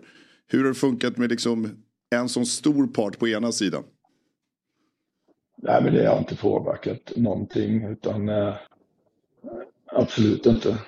Så de har egentligen ingen mer makt än någon annan? Nej, nej, nej, nej. Och jag hade ju lite kontakt med, med Zlatan och sånt. Så man, det blir nästan motsatt effekt för att debatten är, är som den är i, i, i svensk fotboll. Att, eh, ja, det blev nästan så att jag upplever ju att vi, vi eh, tog tillvara på Zlatans kompetens för lite. För, för, eh, ja, då blir den debatten där. Jag menar, han, så, ja. Det blir inte vi mot dem debatt istället? Ja, exakt. Istället för att utnyttja, ja, som jag säger, utnyttja olika kompetenser och lita på att det finns kompetenser så, så, så, stoppar man dem på grund av den här debatten istället för att man är livrädd för det här 51 procents diskussionen. Så jag, jag, jag, tycker man ska vända man kan lägga den åt sidan, men man måste ta reda på beslutsvägar och eh, mandat och, och vem, vem, och var besluten tas i, i svensk fotboll. Det roliga är, eller roliga är, intressant är, vi pratade med, med, med Andreas Engelmark också, det är ju också att det är många som jobbar inom fotbollen, när jag ställer samma fråga till dig, upplever att det pratas för lite om fotboll inom svensk fotboll. Utan det är väldigt många andra frågor som är uppe på tapeten istället. Alltså det du lyfter nu, beslutsvägar eller hur ska vi spela eller hur ska vi träna. Utan det är väldigt mycket diskussion om SLO-frågor eller CSR-frågor eller vet massa annat och många många sådana personer inom fotbollen. Har du också märkt ett, eh, liksom ett skifte så många då säger att när de började med fotbollen så pratade alla om fotboll. Nu är det kanske det sista man pratar om så är det liksom fotbollen. Ja, absolut. Alltså, jag tycker det är väldigt tydligt. Jag, jag, tror, jag har varit med så pass länge, men kan det ha varit någonstans runt 2012 eller någonting man tog upp eh, fram en, en vision i, i, i SEF om eh, Nordens bästa liga. Eh, och man tog fram sju punkter. Det var allt från arenor till eh, tv till, till eh, internetuppkopplingar och allt vad det var, supporterdialog. Det var sju punkter och sen så var den, den ehm, sjunde punkten, det var ju fotbollen, det var att klättra på rankingen upp till topp 15. Och jag tror man har, man har lyckats med alla sex av sju punkterna. Och alltså kärnprodukten har gått åt andra hållet med, i förhållande till rankingen. Men allt det andra är topp, topp, topp. Och eh, det är ju lite så här, jag har också varit med så pass länge och varit på sportchefsmöten och sånt och, och, och i de där forumen, då fick man, det första man fick höra var ju att kom ihåg nu, vi, då, vi sportchef, vi är inget beslutande organ. Och då blir jag lite så här, vi ändå ska vara då chefer för respektive klubb för sportsliga frågor. Men i beslutsavgöranden, då var vi inget beslutande organ. Utan då, då landade på, på andra personer då i ordföranden och styrelse och, och ledamöter och eh, för, förbund och eh, eh, eh, sådant. Så mm. Det är lite konstigt att man inte då låter, jag anser ju att är man sportchef så borde man vara, ha expertisen på själva sporten. Sen kanske man inte är så bra, bra på mycket annat men man blir kopplad bort från de, eh, de besluten. Mm. Ja, det finns mycket att prata om eh, vad gäller svensk fotboll. Eh, du eh, har så kul där nere i 15 grader. Hoppas det börjar regna på dig så ska vi njuta av snön här och åka pulka och, och eh, hjälpa till att skotta ut gamla damer som kanske sitter fast med bilen. Det lär inte börja regna här. Okej. ja, det får en bra dag Jesper. Ja. Tja, tack Jesper. Hej hej. Så här är det. Eh, om bara några minuter så får vi besöket av Myggan. Det tycker du är stort, eller hur? Äntligen. Äntligen alltså. Men innan det så ska vi ta och kolla på det här. Morgon, god morgon, fotbollsmorgon. Woo! Hallå där! Fabian Ahlstrand från Dobb här. Jag vill tipsa om att 08 Fotboll är tillbaka som podcast helt fritt där poddar finns. Vi spelar in ett nytt avsnitt varje tisdag där vi går igenom det senaste som hänt i AIK, Hammarby och Djurgården. Så, när du lyssnat klart på Fotbollsmorgon och vill höra mer om Stockholmsfotbollen så finns 08 Fotboll med nytt avsnitt varje tisdag. 08 Fotboll finns fritt där poddar finns. Morgon, god morgon, fotbollsmorgon. Woo! Eh, här är han. Wow. The Mighty. Äntligen. Ja. Det var inte myggan. Ja. Var det det är moppen hit idag eller? Kommunal-Janne. Hur, hur fungerar den en, eh, en snöig dag? I... Nej, det gör det inte. Det gör inte det? Bakteriehärds sillburk. Det var det. Det är- Jävla roligt att du satt på den alltså. Nej, det är, alltså, det är så under mig. Men det roliga är ju ändå, vi får ju kritik, vi stockholmare, för att vi är dåliga på att köra bil eh, när det blir snöigt. Men jag noterar ju också att det är rätt många från Spenaten som har flyttat till Stockholm. Så att eh, det är ju snarare de som är värdelösa på det. De vet inte hur man kör stadssnökörning. Nej, men exakt. Men busschaffisarna, att de fortfarande hetsar så jävligt trots att det är svinhalt och mycket, Ja. mycket snö. Vet, de kan ju bara stå så här, okej nu ska vi köra iväg. Tvärgasar de. Man bara, fast du, du kommer inte iväg om du... Tuta sig fram. Ja, och så står du snurrar så här och tutar och håller på och hetsar. Man bara, ta det lugnt. Nej, min kille tutade sig fram. Han gjorde det, hela vägen. Ja. 20 minuter. Och förbannad på folk också. Tutan borde nästan förbjudas. Ja, på bussarna i synnerhet. Nej, jag håller med. På bil är det lite fint men. Ja, men dålig bilkörning alltså en snabb. Min mamma i måndags påpekade att hon kör inte bil in i stan för hon förstår inte hur eh, det går inte att parkera längre för att parkeringsapparna, hur ska man liksom kunna betala? Och redan där sa jag väl att ja, det kanske inte ska köras bil. Sluta helt och hållet med writings in the sky, ja. Jag kan köpa ett sånt där SL-kort till dig. Ja, det exakt. Ja. Men du, eh, eh, kära Myggan, vi har en stor dag framför oss. Ja, verkligen. Det är nu vi ska ta klivet och bli Euro- Europamästare. Ja, men jag har ju mycket att bevisa. Nej. Man får räkna bort det någon gång. Jag vet, jag vet. Men det du är, det är press ikväll. Är det. Så att eh, vi, vi kan inte presentera hela din eh, kupong eh, för, eh, för dem. Eh, för att då hjälper ju du pöben till 13 rätt. Men däremot så ska du ju eh, berätta lite grann om en varning, ett drag och en spik till kvällens Europatips. Ja, men exakt. Högst upp, Real Madrid-Napoli. Det är lite den motivationsgrejen eh, och även tror jag att Real Madrid har lite skador och de vinner ju men vinner väldigt knappt. Jag tror att de är lite för stora favoriter. Jag tror man ska med ett eh, kryss i alla fall där. Mm. Eh, Så etta kryss kommer jag nog spela på den här matchen.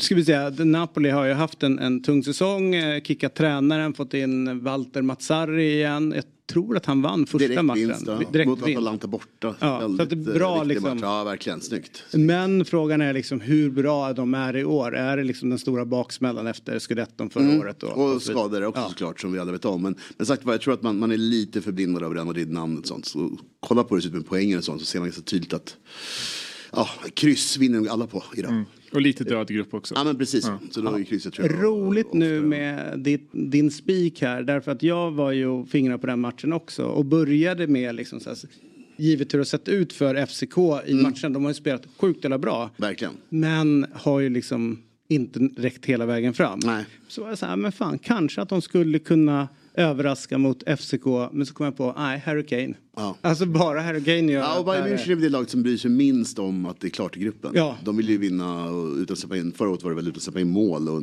de har ju så galna rekord för sig. Så att de vinner ju ändå. Det är väl tysk exercis som kommer ske ikväll. De kommer nog vinna med, med, med liksom 3-1 eller någonting. Sen har vi kanske den mest spännande och här har jag eh, gått lite grann emot dig. Mm. Eh, jag ligger inne med kryss tvåan på Benfica Inter. Mm. Men du har ju superintressant eh, liksom, eh, fakta lite grann runt Benfica. Ja men precis, taken blir den att Inter blir lite oväsentligt där för det blir ändå avgörande match mot eh, Sociedad sista omgången som det är inbördes möten och de möts. Så att det är lite skitsamma och Benfica behöver ju vinna för att ta sig upp eh, en chans till Europaspel och liknande. Så att här tror jag att motivation slår, slår allting annat. Så jag kommer att spela ett kryss. Ja, precis. Mm. Och jag gick åt andra. Men det är bra för vårt Ja, ja, ja, för guds skull, verkligen. Det, liksom, och, och Inter, Benfica har varit hopplösa i år. Så att Benfica, eh, Inter är ett mycket, mycket bättre fotbollslag skulle jag säga. Trots Benficas förstärkningar som inte lyckats i år. Men jag tror verkligen i år att eh, idag har de en chans. Jag tycker ändå inte var helt okej mot eh, mäktiga Juventus. De fick ju ändå en poäng. Ja. Ehm, och där har vi, och det är inlämning då idag. Eh, vi- vilken är, 2044 antar jag. Ja, det är det, för det- Eh, De börjar 2045 då i eh, Championship. och alla de andra matcherna är 21 matcher. 21 resten tror jag. Det är ju, måste säga, och det är inte bara för att vi sitter och pratar men de, de gånger man sitter med en kupong. Mm. Som typ eh, igår, när man, och så sätter man sig och bänkar sig och kollar på en match. Då, då är det ju en extra, det här plinget blir ju, det höjer ju upp hela Ja, ja. upplevelsen. Så att jag såg verkligen fram emot kvällens då att Mm. sitta med min eh, kupong. För att jag var ju ganska kaxig igår på chatten. Eh, och sa att, eh, vilket var helt sant, jag hade problem med att få ut 64 tecken. Därför jag var klar med 13 rätt. Redan när jag hade åtta tecken säger- utplacerade. Det säger mycket om dig David. Ja, men också, Ja men, men det är sjukt att ha den Den- känslan att man, ja. men man har ju det ibland. Sen är det ju klart att det, det kommer säkert inte gå, bli så att- men jag var helt hundra på det här, det här är facit. Och jag har dragit ut åtta tecken, that's it. Eller åtta rader. Jag, jag, jag kan känna igen det, men du får ofta stanna upp och tänka att man inte är, alltså, eh, det blir ju inte så. Nej, 13 men, inte men för dig och mig som har en 13 rätt tröja så vet man ju när man är på rätt spår. Jag hör dig. jag hör det är skillnad dig. på de här två. Ja, nej, men jag, jag, ska, Ja. jag ska upp på tvåsiffrigt ikväll i Europamästaren. För Mm. att, eh, nu ska vi eh, i- ikapp redaktionen. Jag tror, det, jag tror det är viktigt gentemot redaktionen. Jag tror att det är de här mitt i veckan-omgångarna. Det är då man tar igen på redaktionen. Eh, För de, Ja. de jobbar ju. De jobbar, liksom, så de exakt. hinner ju inte. Exakt. Utan det är De nu det måste liksom. som läggs i eftermiddag för mig när jag ska precis. liksom plöja fyra timmar. Precis. Jag måste ju lämna in min så tidigt eh, så att jag inte glömmer bort det. Så min har ju varit inlämnad sen så i, igår, igår morse Folk tror jag. är besatta och säger att man lämnat in 48 timmar innan. Ja. Ta det lugnt. Mycket man tar det lugnt. Det kan komma skador och grejer. Så Skitsamma vet du. Det är inlämnat. In, in, Inlä- ja. Inlämnat. Man vill inte bli en... skylten. Exakt. Så att vi är ju eh, på gång. Vi har 39 poäng. Vi ligger bara 6 poäng efter Conquer All of Europe eh, på 45 pinnar. De har ju en choke i sig. Och Ja, vi har ju 100%. inte, vi har inte spelat år, ut vårt viktigaste kort, Myggan-kortet. Vi ska, ner, vi ska ner på tvåsiffrigt här också. inga vi ska, konstigheter. vi ska, här ska vi Och de är inte vana med Europaspelet. Hur många omgångar är det? Europa. Eh, sex totalt, det här är andra. Tre veckor. Man, kan man ge sig in alltså? Nej. Ja, det, Ja, jo, det kan du. Idag, ikväll sista, Ja, det sista. chansen att skapa ett lag. Men då eh, kommer du inte kunna räkna bort en omgång. Nej. Det behöver jag sällan. Nej. Ja, härligt. Du, eh, det här är ju då Europatipset är en produkt från Svenska Spel, Sport och Casino AB. Åldersgränsen är 18 år och om man upplever problem så finns stödlinjen.se. Nu, mina damer och herrar, rullar vi vidare. Han stod på toppen, bokstavligt talat, rankad som världens bästa höjdhoppare och på god väg att bli Sveriges nya Stefan Holm. Istället drog han framsidan i en tävling och där bröt han ihop mentalt. Istället för att känna jag knyter näven och kommer tillbaka starkare började han gråta. Han heter Linus Törnblad och han drabbades av utmattningsdepression. Han har varit med i ett program på SVT som heter Min, Min ångest och jag. Avsnittet släpps idag på SVT Play och nu är han med oss i Fotbollsmorgon för att prata om det. Välkommen hit Linus Törnblad. Tack så mycket, tack så mycket. Kul, att, kul att få vara med. Ja, innan vi börjar prata om, eh, höll jag på att säga, de oviktiga delarna så måste jag ställa frågan, vad är din relation till fotboll? Den är väldigt stor. Ja, men det är allt från eh, fotboll, alltså generellt fantasy fotboll. Jag har själv spelat fotboll. Eh, ja. Eh, jag frågade, när jag fick frågan att vara med här så frågade jag hur länge får jag vara med? Så sa de 15 minuter. Så det var en timme i alla fall. Jag kan prata om allt från eh, liksom, journalistik kontra hur det påverkar idrottare, ja, Premier League och så vidare. Men eh, det innebär ju att då måste du vara med fler gånger för det är ju jätteintressant att, för det är någonting jag har dragit upp med hur, att det påverkar ändå vad journalister eller folk i media faktiskt skriver och säger. Det är en mottagare på, på det där i slutändan som jag tror ganska lätt att glömma bort när man sitter eh, på redaktionen eller man får en fråga i tv och så säger man någonting. Eh, Ja. Kan du bara ta det snabbt hur liksom när, när Ja, man mår, ta- där är tungt, man mår dåligt och så kommer det sån, sånt. Ja men precis, alltså där finns faktiskt en eh, historia och där är, är lite du delaktig på ett positivt sätt dock. Eh, nej men jag, eh, nej, men jag gjorde 2009 så, eh, därför du var den enda som backade mig. Det var därför det var ganska intressant. Men jag 2009, jag var 24 år. Jag eh, tävlade på VM. Jag hade tre stressfrakturer i bäckenbenet. Alla visste om vilka förutsättningar. Egentligen borde jag inte vara där. Eh, jag borde knappt kunna gå. Men jag körde på. Eh, slutade på en femte plats. Blev bäste svensk, alltså det mästerskapet. Och utsett i bäste friidrottaren i Sverige det året. Och tänker att shit, jag har gjort en bragd. Jag har kommit femma på VM med tre stressfrakturer i bäckenbenet. Öppnar tidningen direkt efter blir totalsågad. Eh, Mats Olsson då skriver att jag är totalt värdelös, jag är en lallare, jag får sluta med min idrott. Massa personangrepp, alltså gick över alla gränser. Eh, och där och då så, så, så gjorde det mig skitförbannad. Eh, vilket skapade en negativ drivkraft. Eh, och det här blev en ganska stor grej. Eh, och du var den enda, för jag träffade dig något tag efter dig. tror vi spelade någon sån här minnesbandy för... Eh, någon... Ja, ja. Micke Ljungberg.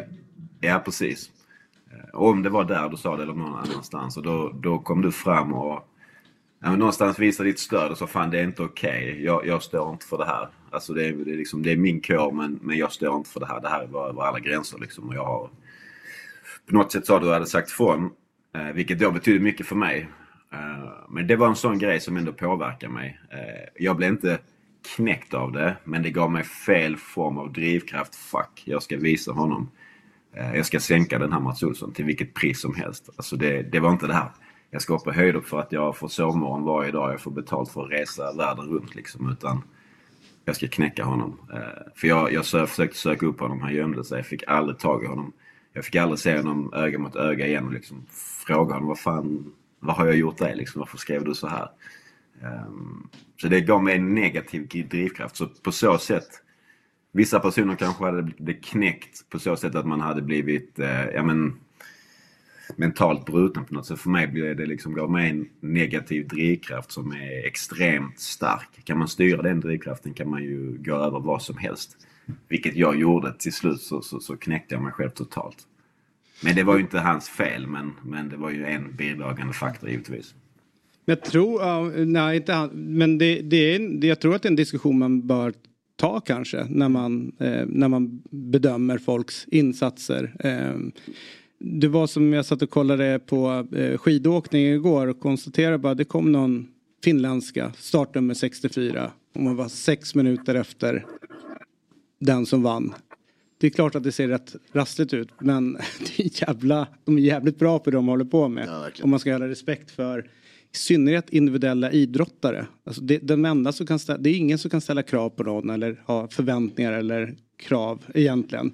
Därför att det, de gör för sin skull. Ja, precis. Och jag tänker så i fotbollen, det är väldigt ofta så. Spelarna vill ju inte berätta så mycket kanske vad som pågår i deras kroppar och liknande Nej. under säsong. Men efter säsongen får man oftast reda på det. Så, här, men nu ska jag liksom operera mig för jag har haft det här hela säsongen. Och så har man själv suttit där och bara kallat personen för en sopa hela Mm. säsongen. Och sen så bara okej nu fick jag kontexten. Nu känner jag mig dum i huvudet. Men också att man också utgår ifrån, måste du kanske också Linus känna till, att förhoppningar eller tippningar eller recensioner och sådär utgår ifrån att du har haft helt perfekta förutsättningar. Kroppen mår Ja, ja, bra, precis. Det vädret var- är perfekt, resan har gått bra. Alltså alltihopa ska ju... Ja. Men Nej, men det var verkligheten är det någon annan. Tänk, det, det som jag tänker är det här med att det, det ingår också i idrotten. Alltså blir du duktig, jag hade det som heltidsyrke, liksom levde på det. det, det alltså, den mediala bilden, den, det är en del av, av yrket liksom. Man ska kunna ta en del skit och gör man någonting dåligt så ska man göra det. Men det här var liksom över vissa gränser och att han inte vågade stå upp för det för jag sökte verkligen honom på, på alla sätt och vis. Eh, för mig var han liksom som nutidens nättroll. Fast med en stor plattform. Han kunde skriva vad som helst. Han behövde aldrig stå till svars för det. Samma sak som nättrollen idag. Man kan gå in och skriva negativa saker och hat och så men man behöver aldrig stå till svars för det. Eh, Och det är ju fel. Kan man stå för det man skriver så, så tycker jag man kan skriva liksom nästan vad som helst. Men kan man inte stå upp för det så kan det vara lite fel. Eller mycket fel. Hur svårt var det att eh, börja prata om att du mådde dåligt mentalt? Eh, Det här var ju, det hände mig 2010. Våren 2012, där någonstans emellan i alla fall, så gick jag ut med det och berättade. Och på den tiden, det är inte jättelänge sedan, men då pratade ingen om det. Alltså det fanns ingen idrottare. Vi hade haft eh, tragiska fall. Eh, folk hade tagit sina liv. Eh, man hade hört talas om att folk hade försvunnit liksom från idrotten. Det fanns ingen som pratade om det. Det hade funnits en fotbollsspelare som skrev den här boken i skuggan av San Siro. Mm, Martin Bengtsson. Precis, men det fanns ingen aktiv idrottare som pratade om det här ämnet och jag kände, vill jag ta den här smällen? Det var ju skambelagt. Eh, allt som jag associerar mig själv till när jag tittar mig i spegeln. Det hade inget med psykisk ohälsa att göra. Eh, men i själva verket så hade det ju det.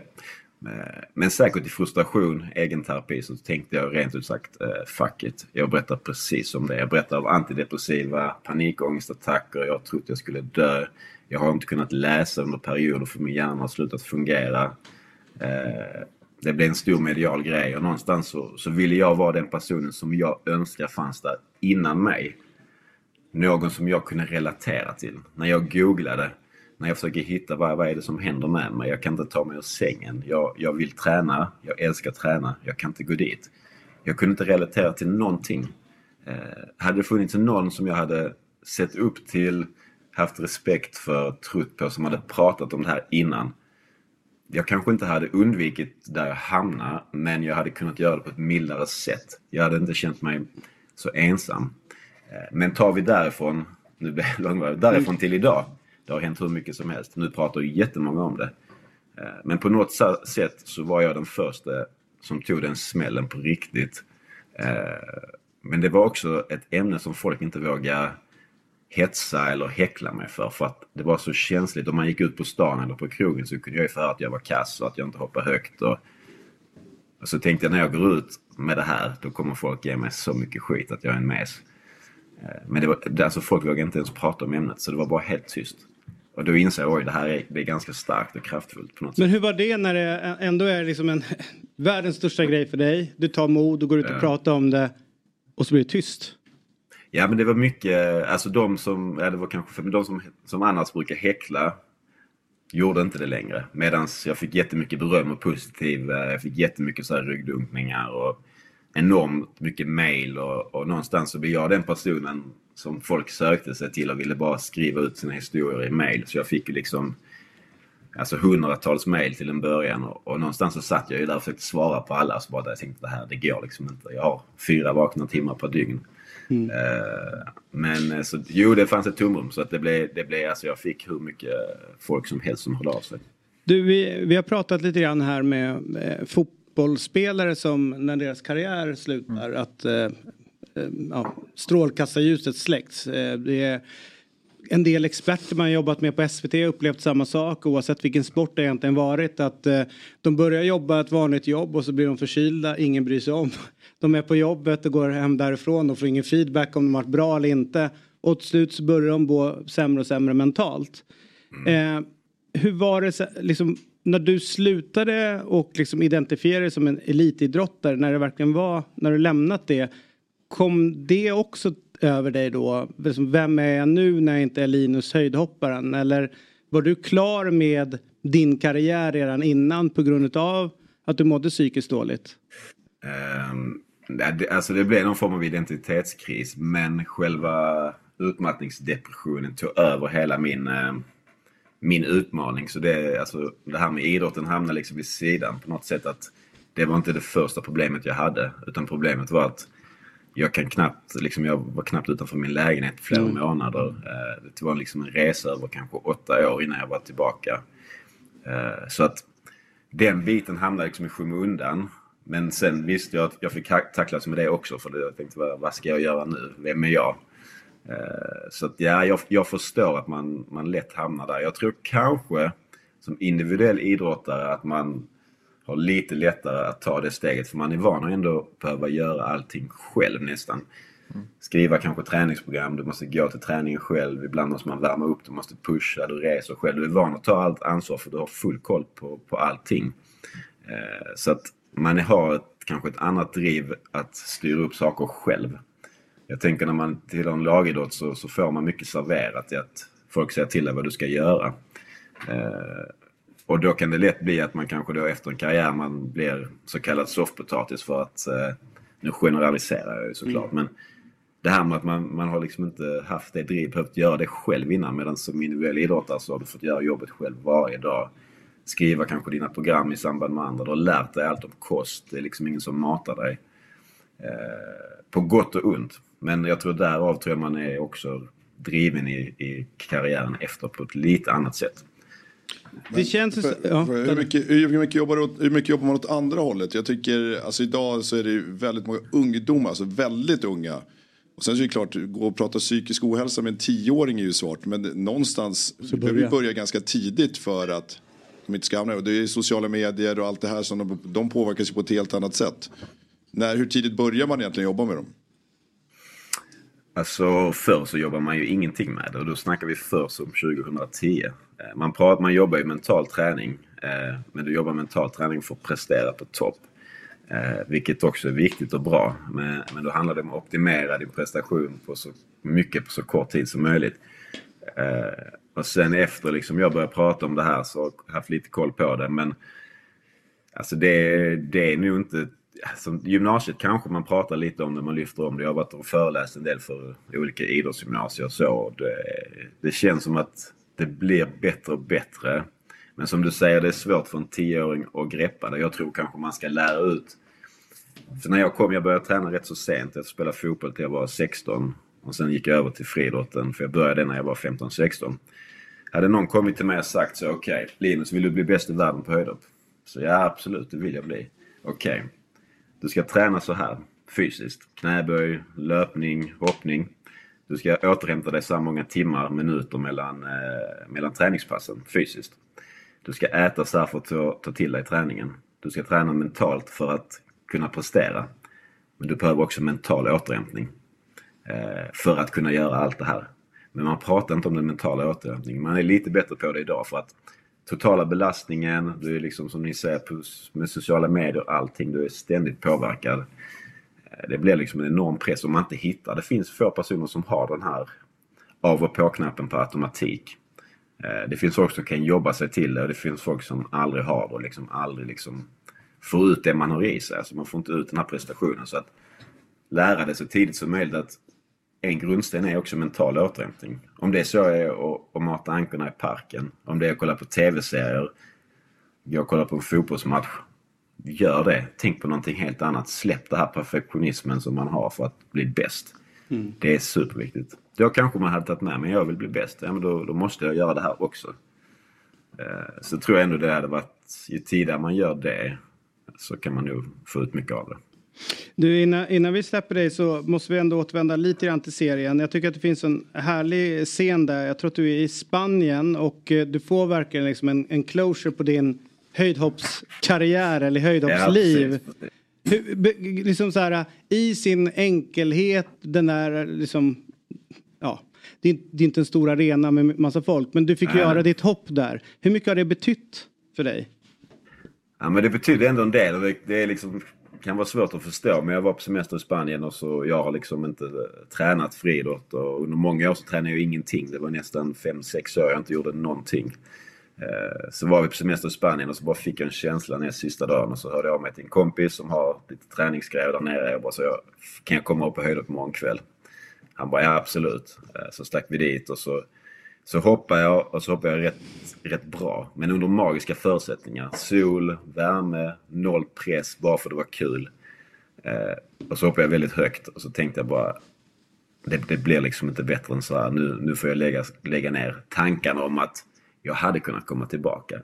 Jag hade kunnat komma tillbaka till idag och bli bäst i Sverige på, på ett par veckor. Alltså det, jag är helt säker. Eh, men där kände jag bara, men det, någonstans för de här uh, tank, det, det blir inte bättre än så här. Det här blir ett bra avslut. Det blev inte som jag hade tänkt mig men det blev ändå på, fint för mig själv på något sätt. Det var Det tog många år. Ja, men det var vackert. Frågan då är, hur högt var det? Det var 2,10. Skojar du? Nej men det, jag tror... Att du Ja, är tränat på 5-6 år. 2,10. Jag tänkte så här 1,80. Han var rätt nöjd med det liksom. Nej men jag tror... 2,10 det är så eh, löjligt högt alltså. Oseriöst Ja, men jag tror... Ja, men alla så här, det är det som är konstigt att jag, alltså de här fysiska grejerna, om jag kör så här frivändningar eller, alltså jag ligger nästan på samma nivå. Och jag undrar ibland så jag måste ju tränat helt fel. Alltså om jag är på samma nivå när jag, när jag liksom inte gör någonting. Eh, men eh, så att rent fysiskt så är jag liksom, Det hade, det hade, jag, jag, alltså senast i höstas så tänkte jag fan jag skulle nog kunna göra en OS-satsning. 38 år. Det är liksom 13 år sedan jag tävlade. Vad vinner man Finnkampen på idag? Ja, men 2.10 så är han ju... 2.10, så är inte, ja, då är man ju typ, kommer tvåa, trea. Jag ska ser. Finnkamps comebackare. ja. Det brukar alltid, Ja, alltid men finnas någon, någon finne som tar 2.20 någonting liksom så. Och så är det någon, någon svensk som kanske brukar vara lite Nej, högre. de gör inte 2,20 idag. Gör de inte det, längre? det, det är många år sedan. Det är många år sedan. Ja, men då Alltså, skulle du vara med på Finnkampen ju. Det är ju De, de mäktigt. vinner mellan 2,10 och 2,15. Så en snabbdef eh, på 5 kilo svält en månad och så några pass så hade jag vunnit. Ja. Jag det hade varit roligare för mig att spela korpenfotboll då. Jag hade, då hade man fått lite mer Lägg ett spel. Om det är uppe i finns Stockholm ju så finns det... Ja, exakt. Ja, ja. Men om, man, om, du, eh, om du landar in i Stockholm sen så finns det ett jävligt mäktigt lag i division 6, FC Samp. Om du vill börja spela Ja, men då fotboll. känner jag till. Då känner Ja, jag till. ja visst. Så det, är ett starkt lag. Men du Linus, för fan, om vi gör så att du är med framöver. Det var ju kul att surra med dig. Ja, men jag Eh, snackar Och gärna kan vi prata, fotboll, ja, ja. prata lite mer fotboll då kanske. Vilket lag håller du på? Är det Malmö FF eller? Nej, alltså jag, jag är i sånt jävla gränsland nu att jag ska göra det förbjudna. Att man kanske ska byta lag, vilket man inte får göra. Eh, Men jag har bra stories. Jag har blivit bespottad av MFF-fans när jag eh, var på en match en gång framför hela ståläktaren så hatade alla mig. De skulle spotta på mig när jag gick förbi för att jag inte höll på MFF. Eh, eh, Blev jagad av de jävla idioterna här i supporterklacken och sånt. Så jag har många stories. Men Ja. om det blir ett avsnitt till så kan jag ta det. Ja, det tar vi då. Det är en bra cliffhanger. Verkligen. Ja. Verkligen alltså. Det här Tusen tack för den här morgonen. Ta hand om er. Ta- Är det samma? Tack. Hej.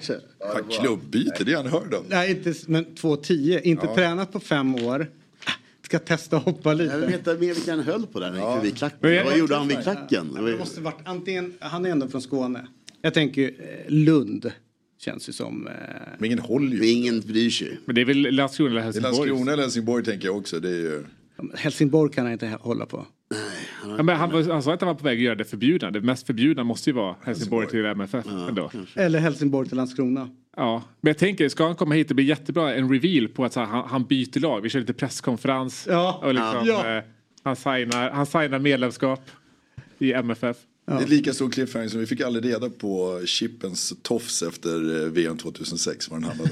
Han skulle ju avslöja efter VM. Ja. Jag vet inte om ni kommer ihåg den här märkliga. Ja, jo, jo, jo. jo. Han har inte med, varit med här i i, programmet någon gång efter det. Det var ju om, eh, vad heter hon nu? Oksana. Oksana, ja. Oxanas sponsring utav eh, Eh, vad var det? något fotbollslag. Ja, exakt. I Värmland? Ja, Ja. ja, precis. Ja, hon är ju från Karlstad. Ja. Ja. Det var en hemsida vi hittade. där, Ja. Ja, och sen så hade vi ju också med eh, den här fylledansken. ja. Den det. matchen. Han kommer inte ihåg att han var med. Nej. Chippen, Chippen, spelar jag den matchen? Ja, Han bara, jag var inte med. Du jo. bara, Jag trodde att dansken inte kom Nej, ihåg. nej, dansken kommer inte. Två personer som inte kommer ihåg den Ja, den en, matchen. en, en ljuger. Ja, det är dansken och det är eh, Chippen. Så jävla roligt när han ändå kör så här. Nej, men jag tror inte jag spelar. Och Oksana bara, men du startade ju den matchen. Gjorde jag? Ja, fan, Oksana, exakt. Hon var ju med här allting. Ja, ja. lite när David Bowie pratade om 70-talet med någon eh, journalist och hävdade att han aldrig hade varit i Berlin trots att han hade bott där. Skojar du? nej, nej, han var, Never been to det var lite Berlin. mörka år. Ja. Jävligt roligt om man bara, ja, men jag stänger ner fyra år nu. nu kör jag, all in. Ja, vi har alla varit där. Nej, inte än. Nej, Nej, inte inte än. Vi är inte från Karlstad Nej, så det, nej. det finns inget sånt där. Härligt. Eh, vi ska alldeles strax byta lite folk här i studion. Eh, vi tackar Myggan. Mm. Ja, tack. för den här morgonen. Eh, vi ses på eh, fredag. Är du tillbaka va? Nej, jag är tillbaka imorgon. Imorgon? Imorgon är Stryktipset. Ja just det. Men det är jag som inte är här på torsdagar så jag har ingen koll. Tack för den här morgonen. Tack, tack. Och så väntar vi in nästa gäst. Men vi tar reklam. morgon, god morgon, fotbollsmorgon. Woo!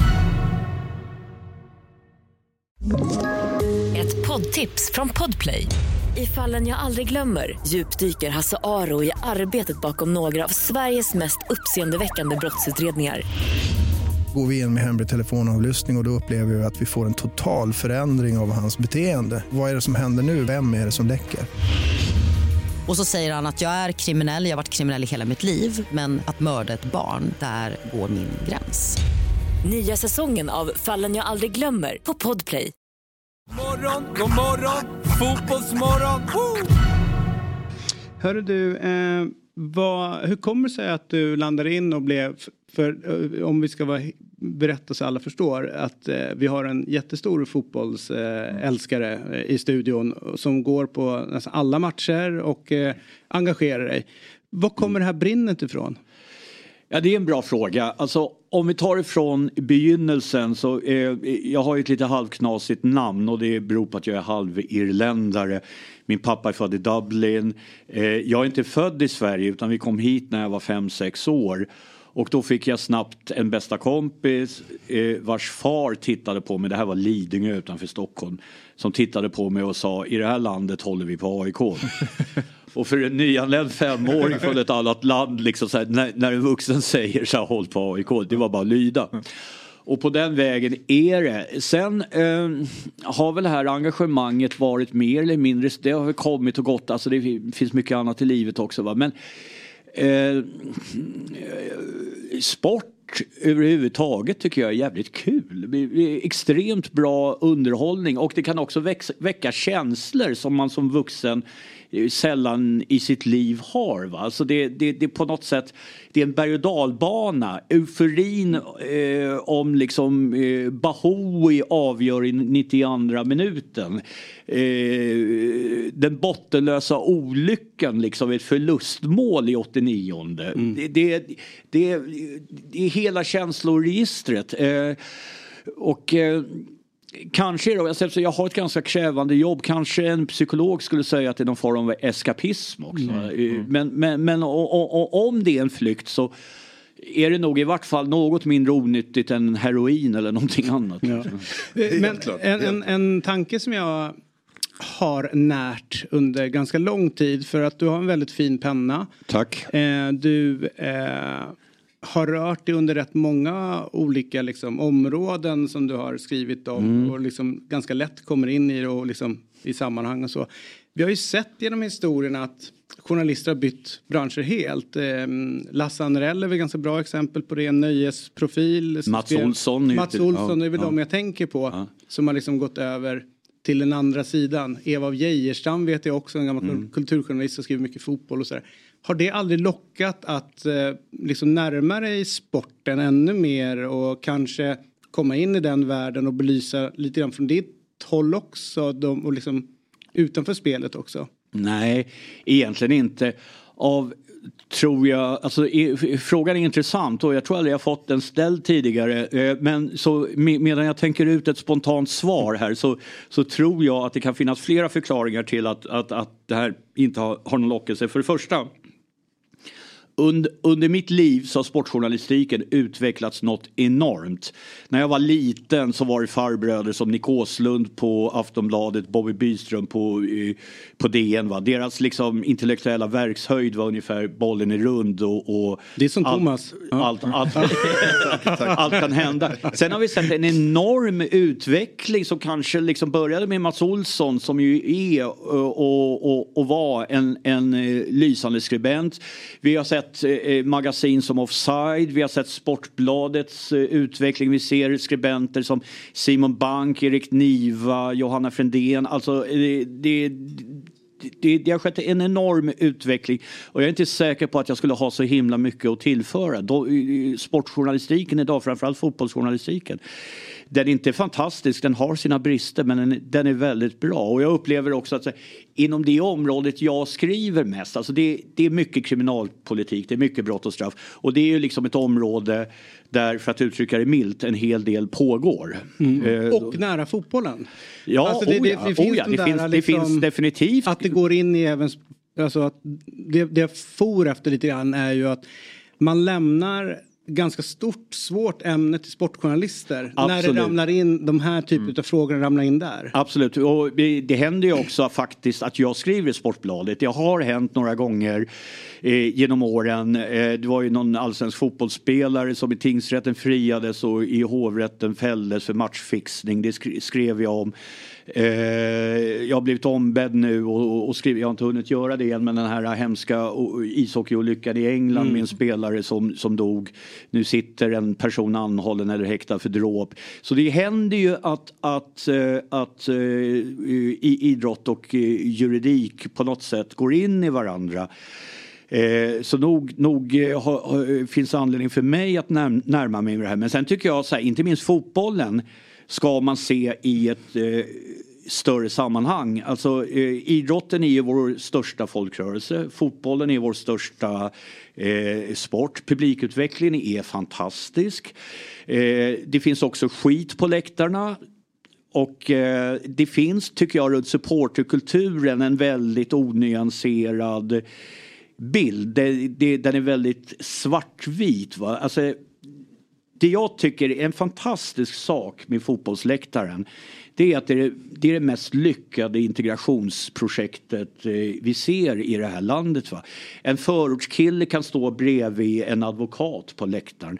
Vi har också sett hur klubbar under den här flyktinghösten 2015 eh, tog sig an nyanlända, hjälpte dem in, gav dem fribiljetter och så där. Så det finns någon, en enorm positiv kraft. Och också ser vi de stora fotbollsklubbarna, inte bara mitt AIK, eh, engagerar sig i förorterna, erbjuder alternativ till att gå med i kriminella gäng och så vidare. Va? Och det är en fantastisk kraft. Men med det sagt så är ju problemen också tyvärr av och till ganska stora och det måste vi också skriva om. Känner du att eh, liksom, idrotten eller fotbollen i synnerhet kanske har närmat sig mer ditt bevakningsområde liksom, de senaste åren jämfört med Ja, eh, så, så är det. Eller kanske framförallt är det, är det väl så att eh, eh, sportjournalistiken har blivit bättre.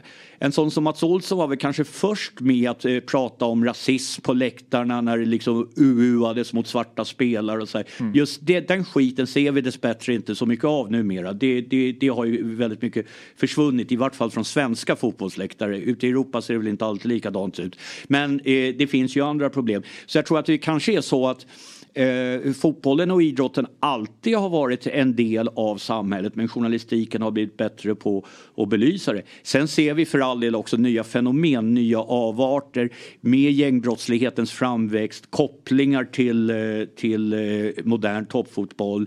Eh, just AIK har ju på senare tid varit väldigt omskrivet i, i, i sådana sammanhang. Mm. Jag, tänk, jag tänker att, eh, precis som du säger där, alltså, idrotten och supporterkulturen är en motor för så många viktiga saker i samhället. Så, som inne på, till exempel integration där.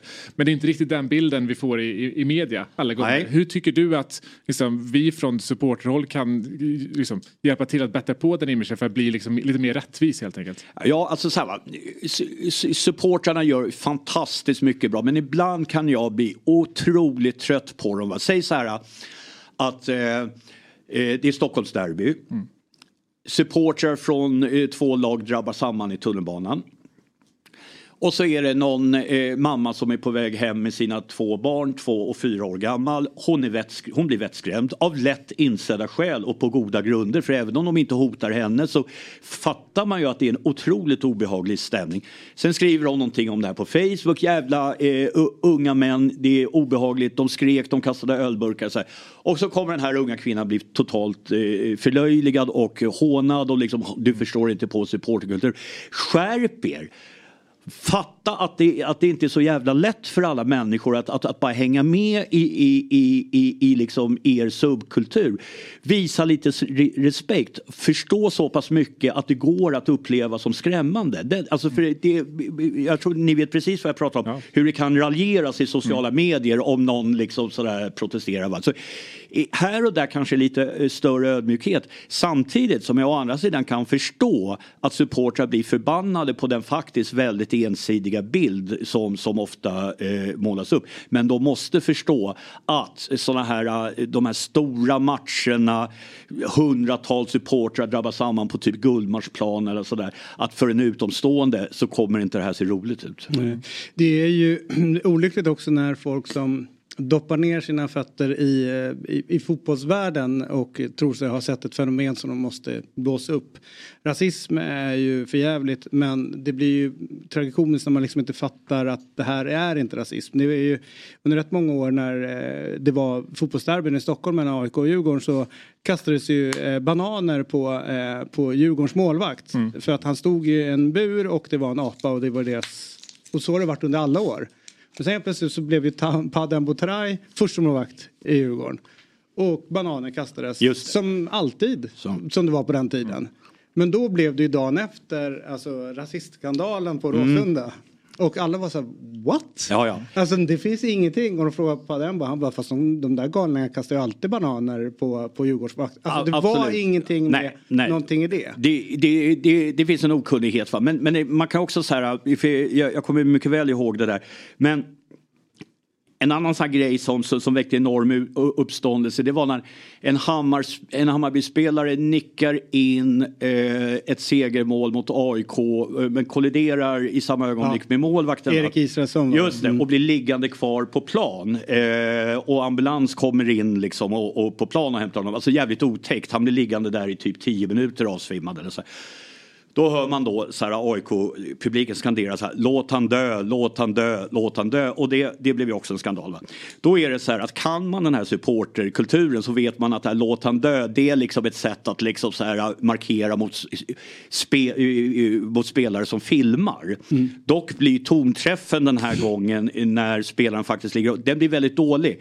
Eh, det blåstes upp som en skandal utan att, liksom, utan att, att de som blåste upp det förstod liksom sammanhanget. Fast där tycker jag i och för sig också, jag, jag kan tänka mig att det var väldigt mycket väldigt unga supportrar som, som skrek mest. Att, att eh, de här unga supportrarna borde haft en lite bättre tonträff i det, det för, för när spelaren ligger avsvimmad. Jag- alltså, det- jag vi vet med- inte vad jag- som har hänt. Nej, jag Det- håller helt med dig. Men det känns ju också som att eh, om man drar tillbaka. Nu säger jag inte att det, det, jag vill inte dra klockan tillbaka fullt ut. Men eh, om man kommer ihåg eh, 80-talets hockeybataljer eh, Mm. någonstans. Så fick ju Mats Alban sin näsa avslagen utav Håkan Södergren.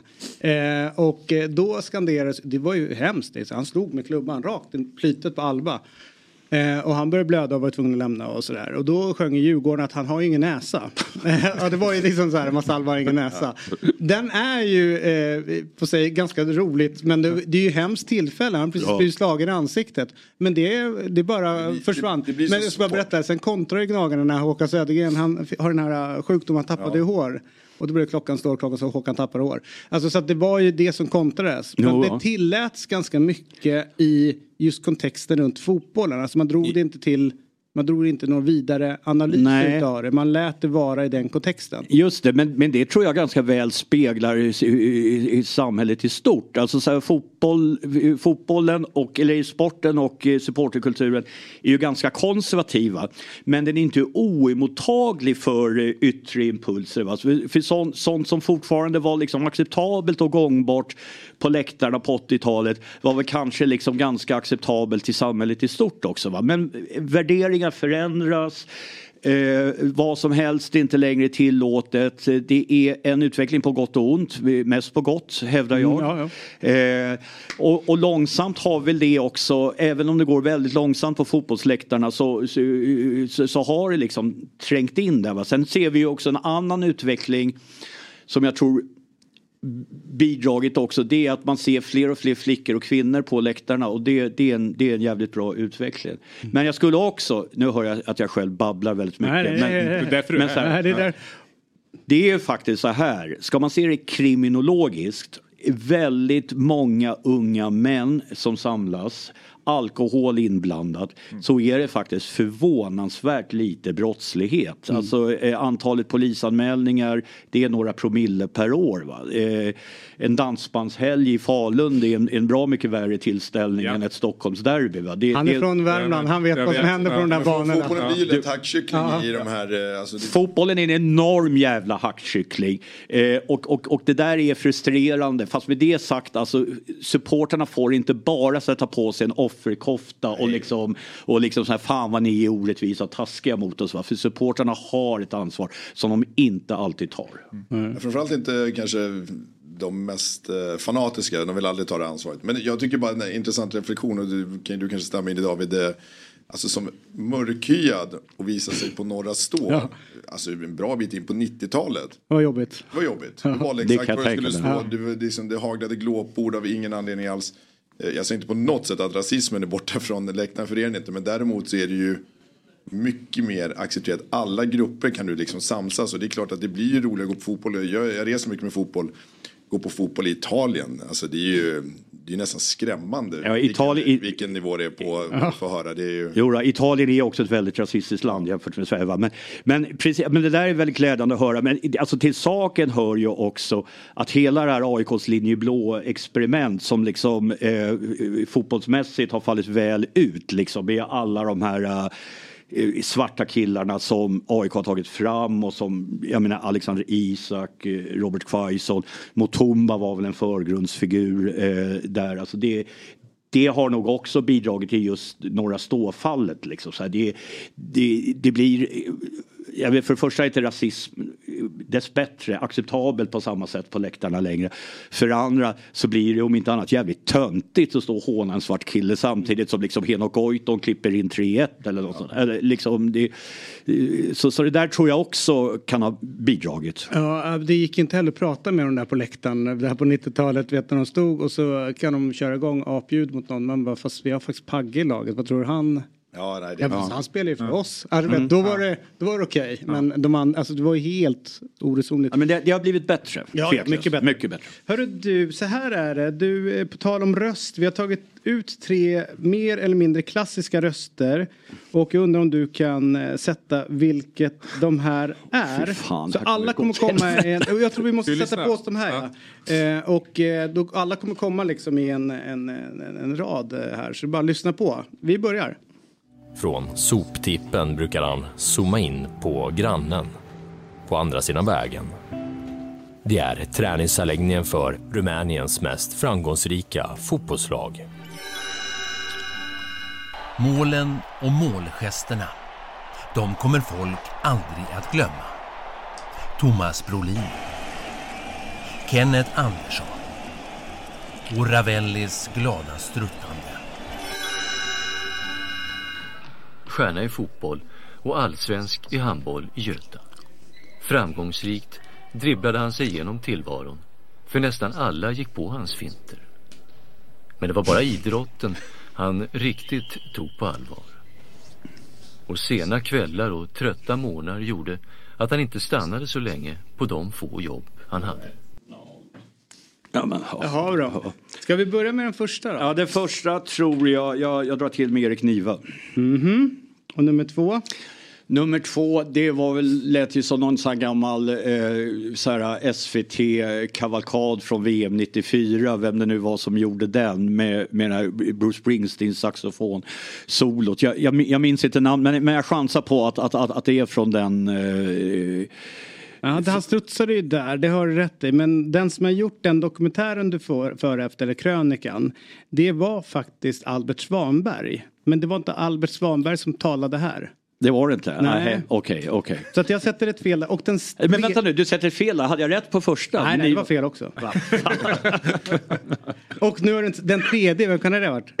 Ja, det lät också lite old school. Uh, men vad fan kan det ha varit? Alla lät ju identiska. Ja, alltså hur fan ska jag kunna veta det här? Alltså skärp er. Ja, Jag kan säga så här att två, eh, t- två utav dem har vunnit Stora Journalistpriset. Ja men då säger vi, eh, eh, ja alltså då, eh, Mats Olsson på antingen ettan eller trean. Ja, Okej, så här är det. Vi tar på röst nummer ett. Det var, han vann, eh, eh, Joel Segerdahl vann Årets sportjournalist ska vi säga, inte eh, journalistpriset. Är det Jens Lind på nummer två eller? I, i, ja, det är Jens Lind på nummer två. Men jag hade en lite rätt. Ja, alltså, det var lite, li, du, lite ja, så här det är S, att det var gammal SVT. SVT, ja, ja, precis, ja. eller hur? Eh, och, och, och, eh, men Jens Lind har faktiskt inte vu- vunnit eh, något eh, som Årets sportjournalist eller Stora journalistpriset. Märkligt nog. Det är borde- faktiskt nära nog en skandal Eller för hur? han, han är duktig. Ja. Eh, men eh, den som är nummer tre eh, är i alla fall min stora favorit när det gäller dokumentärfilmer. Tom Aland. Åh! Jag älskar Tom Aland och han mejlar mig ibland. Alltså vi, vi har lite så här brevväxling. Ja. Han är fantastisk. Och han, är, och han är så jävla generös med att Mm. mejla och berätta om Mm. eh, och är verkligen så här snäll och, och så här, nej, det är bara att höra av dig om du behöver någon hjälp. Ja, ja. Och, ja, men det, och det. är ett fantastiskt drag hos honom. Så, jag menar, så här, han, han utnyttjar sin position och sin ställning till att liksom hjälpa yngre liksom, kollegor eller vad man ska kalla dem eh, framåt och pusha på och berömmer och sådär. Han är en otroligt fin människa. Tom Alan är också en som hatar apelsin-tv. Det är att... Eh, eh, Utveckla. Ja, om du ser en tabell och säger att vi ska, vi ska titta på tabellen. Ja, tack fan för det, den är redan en bild. Eh, eller att eh, om man ser en stadsbild, att man berättar vad man ser. Eh, Mm. man, men varför det? Du ska ju berätta det du inte ser. Så att om det är en gammal bild från Stockholm 18-1900-tal där. Då kunde han bara säga, det luktade hästskit på den här tiden. Alltså, då förstärker man ju tv, alltså upplevelsen. Man börjar liksom tänka på ett annat sätt. Det kan man ju sakna med sportjournalistik när Sportnytt faktiskt var intressant av resultaten. Ja, just det. Alltså, det gamla fan, goda man, tiden. Man såg det där klippet AIK Björklund och tänkte hur fan ska det gå? Kommer vi vinna? Exakt, det var spännande. Det är helt ointressant idag kan jag säga. Hörrni, det, det får vet man bara- en sekund efter. Ska jag berätta ett skvaller om David Fjäll? Ja, gärna. Jag stötte på honom på läktaren före AIK-Djurgården. Nu för någon månad sedan. Nej, nej, nej, vad har jag gjort nu? Och han, han var liksom så här, "Ja, jag fattar inte ens varför jag åkte hit. Alltså AIK, det kommer bli en episk förlust. De kommer vidare med 3-0. Då jävlar- Men grejen är så här, jag ska inte vara allt för elak här va, därför att jag föll in i det där va. Alltså, eh, det, har ju varit ett riktigt jävla skitår för att uttrycka det milt va. Och Djurgården är liksom så här, ja, de är ganska bra, de slutar ändå fyra liksom. Så, så eh, jag var inte ett dugg bättre än David, jag höll med liksom så här. Det, det, det kommer bli en episk torsk, det här är fruktansvärt, men okej, nu har vi tagit oss hit. Och vad fan händer? AIK kör över Djurgården fullständigt. Så vi hade fel. Ja. Är glad, jag är glad att inte vi sågs innan. Ja. Nej men den var så här, jag åker inte dit. Jag vägrar. Mm. Det, det här, jag vill inte se en 6-0 förlust mot Djurgården. Jag klarar inte av det. Det här året är tillräckligt jobbigt. Sen var det så här, men fan jag har åkt dit när vi har vunnit guld. Då ska, vi också, då ska jag åka dit och se vår största förlust i historien mot Djurgården. Jag var helt inställd på det. Och så vinner vi. Alltså, och, jag- och vi inte bara vinner, Nej, vi- det var total kross. Ja, alltså, och jag aldrig varit, alltså på riktigt, så glad som jag var efter den matchen. Mm. Apropå det du sa från början, här euforin och, och liksom alltihopa, att man inte kan man kan inte kontrollera den här glä, glädjen, pura glädjen man känner. Du, du har fullständigt rätt. Alltså så här va, det här, vi, AIK har en mardrömssäsong bakom sig. Men nu när vi ändå har räddat kontraktet så på något konstigt sätt så vill inte jag ha den här säsongen ogjord. Nej, nej. Mm. Därför att eh, få säsonger har skänkt så mycket glädje. Alltså när vi tog vårt senaste guld det var, minns jag, ett enor, en enorm besvikelse där, 50 000 mot Sundsvall. Liksom, så bara få in den där jävla bollen någon gång. Va? Men, eh, men Kalmar seger, ja det var skitkul men ändå bara så här, okej, bara- jag bara mer andades ut, lättad liksom. Så här. Exempelvis AIK och Djurgården, det var total eu- eufori. Ja, liksom. bara glädje. Ja. Bara glädje. Och, och den oavgjorda matchen borta mot Göteborg, jag hade onda aningar inför den också. Va? Där vi i och för sig bara fick en pinne men var klart bättre. Mm. Alltså, så här, det, de här små glädjeämnena blir plötsligt liksom ren och skär lycka. Och så får man ju tacka Bayern för de här poängtappen då i början på året. Ja, oh ja, oh ja. lite grann. Jag ska, ska inte säga att jag hade hoppats på en lite saftigare anekdot. Ja, ja. Men jag fick höra att det skulle komma lite skvaller men om jag- David. Men grejen Jag, jag kan ta några nästa. Ja, jag, kan, jag jag, kan säga, han får inte dra skvaller om mig. Det är det som är grejen. Det var, Ja, jobbigt. år, eh, för övrigt årets längsta kvittosummering tror jag efter eh, just den matchen från eh, jag öppnade upp min bank dagen efter och kollade kvittorna och eh, Dick Turpin borde vara väldigt glad. Ja, det var det. Jag tror att alla fick ta del av min glädje. Ja. Ta en här, ta en inte. Hörru du, eh, vad härligt att du kom förbi. Det var Eh, kul att få eh, komma förbi. Ja, och stort grattis till, eh, till priset som Årets röst, alltså Stora Journalistpriset. Det är Tack. eh, inte många som får det. Nej. Och så får vi hoppas på bättre 2024, då jävlar. Ja, nästa år, då jävlar. inte första gången. Tack så hemskt mycket. Tack, tack. morgon, god morgon, fotbollsmorgon. Woo! Nu ska vi eh, ta oss till, eh, om inte jag är helt fel, så är det till Paris. Normalt sett när vi har med den här herren så sitter han ju på exklusiva hotellrum eller har precis varit i en exklusiv eh, hotellfrukost. Men nu eh, sitter han i limon eh, på väg ut till planet. Eh, och du vet ju hur det är när man har sådana här snabba plan. Eh, privatplan. Privatplanet givet, ska ja. ta honom hela vägen upp till Bromma. Eh, men innan han kliver på planet så ska vi eh, säga god morgon och hjärtligt välkommen till eh, Adam Pintorp, kommentator på TV4 och igår så fick du äran att sitta på Parc des Princes och se när mäktiga engelsmännen dök ner i Frankrike och eh, nästan hämtade hem alla tre poängen. Hur var upplevelsen? Eh, god morgon! Eh, här sitter jag i min limo, eh, som ni ser. Ja. Det är ändå mer en, eh, exklusivt att sitta i en, liksom, så här, bak i en taxi än i ett hotellrum. Det är ändå lite mer exklusivt. Ja, han blir ändå sk- skjutsad nu. Ja, exakt. Ni, ni, ni, ni, får ju någon inblick ändå. Det är inte, det är inte bara de där hotellrummen. Eh, jag tycker det blir bra. Det är därför jag måste titta ut ibland, annars blir jag för åksjuk här tror jag. Eh, nej, det, var, det, var en, eh, det var en bra stämning, eh, måste jag säga, under matchen. Det måste jag verkligen ge till PSG i en, vad ska vi, vad ska vi säga, i en storklubbskontext så är det ganska Eh, det är inte alla klubbar, i alla fall inte i Europa och framförallt inte de engelska om vi får eh, pe- peka finger mot stämningen ibland som råder på de där arenorna så tycker jag att PSG verkligen av liksom, de riktigt stora klubbarna har ett riktigt, eh, riktigt bra tryck. Så det, det bidrar ju till, eh, till ens egen upplevelse också. Eh, och som du säger David, det, det var ju väldigt nära. Eh, jag, jag tyckte Alexander Isak, när han pratade med Olof Lund efter matchen, sa det ganska bra just att vet, han, han, var, han var inne och snuddade vid att ska vi ändå förlora så på ett, på ett sånt sätt så känns det nästan lite ovärdigt. Det är klart att PSG var det bättre laget och förtjänade att göra mål i den här matchen.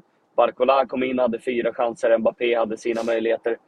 Men med en sån straff i 98 ja, det var, det var, det var ändå lite pyspunka. Jag förstår att det verkligen blir eh, två oerhört bittra eh, tappade poäng för Newcastle som hade stretat på där med ja, men, tio man och en halt ungefär. Eh, De hade ju långt ifrån full bänk. Eh, Så all heder till eh, Newcastle. Och med lite distans så kan de nog ändå vara nöjda för det, det lever ju verkligen för dem inför, Mm. inför sista omgången. Hur upplevde du någonting av det som rapporteras om att det var lite stökigt ute på stan mellan de här fredliga britterna som kom till Paris? Va, vad sa du nu? Att det var, lite det var lite stökigt på stan med de här fredliga britterna som kom ner och bara ville sites, eh, kolla runt på Eiffeltornet och sådär. Eh, Pratades mycket om det? Nej, inte så mycket mer än eh, rapporteringen som jag liksom tog del av gällande då att det var ju Eh, PSG-supportrar som hade eh, maroderat en bar ganska kraftigt. Eh, men som, som jag förstår så var det, var det inga allvarliga skador eller så, men där, de, de hade lokaliserat Newcastle-supportrarna och sådär. Vad jag såg och vad, vad jag tog in runt matchen så, så var det inte lika stökigt. Det kom en tunnel här också, så nu döver allt. Antagligen, du är i Frankrike. Hörru du, eh, hur stor är Mbappé där nere? I, liksom, inne på arenan och, och liksom, vad märker du av? Eh, men en, enorm såklart. Eh, jag trodde att han kanske skulle stöta på eh, med, med tanke och sådär. Men eh, nej, det, är, det är svårt att beskriva hur enorm eh, killen Kylian i den här klubben. Mm. Du, eh, tankar och inför sista omgången i dödens grupp då? Vilka, vilka lag tror du blir som hakar på Dortmund? Visst, Det är så sjukt att det är Dortmund Ja. som är klara. Eh, vidare i gruppen.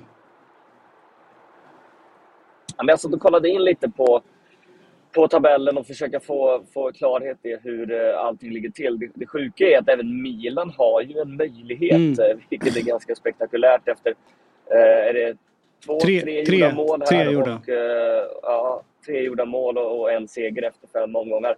Men jag skulle verkligen ge Newcastle en ganska rimlig chans, för de har ju eh, plusstatistik när det gäller inbördes, eh, inbördes då på PSG. Så om PSG inte får mer än kryss borta mot Dortmund, och det är väl, det är väl tänkbart att Dortmund gärna går för att vill ju såklart vinna den här gruppen, vilket på förhand ändå ger en, Eh, en- en bättre möjlighet inför en eh, åttondelsfinal.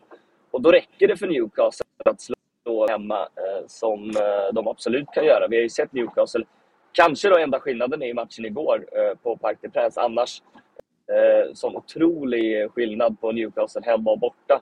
Eh, nej, det, det, jag, jag, skulle, jag skulle ge Newcastle ändå ganska goda möjligheter att, eh, att lösa det här. Och då, ja, då, då kan ju den här poängen ändå vara väldigt viktig, även om, även om tre hade, hade gett eh, andra förutsättningar. Så eh, nej, det, ska bli, det ska bli oerhört spännande. Det är, vil- vilken grupp det var på förhand och, och som den ändå har levt upp till, Mm.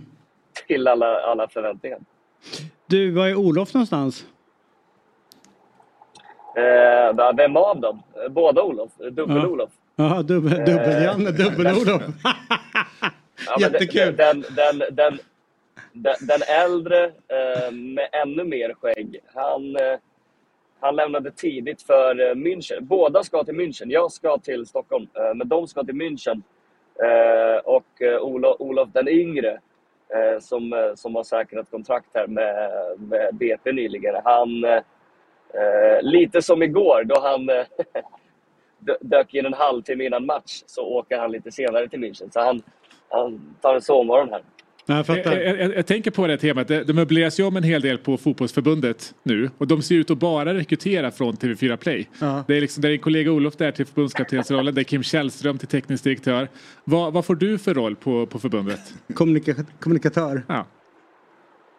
Jag, jag, jag hoppas att jag kan få någon form av, eh, någon form av roll, men eh, jag vet inte vad de har för vad de, vad de, vad de har för roll att eh, fylla. Samtidigt så känns det som att man säkert kan handplocka och kanske eh, ja, men skräddarsy någon, någon roll som, som, som känns rimlig. Det får bli kommunikatör låter väl komplicerat. Ja, Jag tycker du Men, ska eh, ha extra fokus på yt- ytterspringarna. Eh, Fokus på eh, wingbacks och yttermittfältare. För där, där, är, coach. där är Adam bra. Ja, Alltså. ja. Ja, Jävlar Ja, att glida. men Som, för, för, för, fasta situationer, men bara offensivt. Ja, exakt. Defensivt är allt. Nej. Tappat markering varje gång. Han påminner lite grann om Joaquin när han spelar. Ja, så att eh, där har du det. Eh, Adam Pintorp, underbart att ha dig med.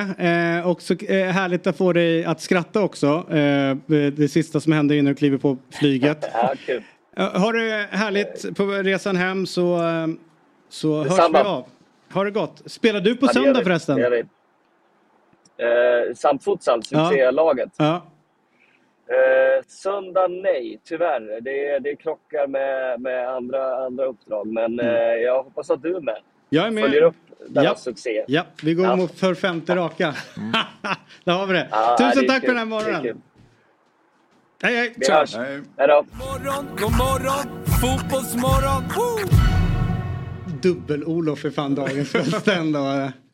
Du, Dubbel-Janne och Dubbel-Olof. Ja. Där Det, det, inte det finns någonting emellan. att prata om där, det är ju inte forum för det just nu. Men eh, jag älskar att han tar upp det här med eh, stämning på läktaren. För att jag, jag vill krossa den där myten om att det är så otroligt kul på stormatcherna i eh, England. Ja, England, Europa, många arenor. Ja, dålig stämning ja. Barcelona, det är ju Borlänge, Ja. ja. Gais är ju roligare. Är, Barcelona är spännande för Alltså, att... inte, alltså, jag- fotbollsmässigt såklart inte, men Nej. rent dragmässigt. Det Ja, det är ingenting på verkligen. läktaren. För dels är det många som sitter och lyssnar på radio under tiden de går, kollar på matchen. Mm.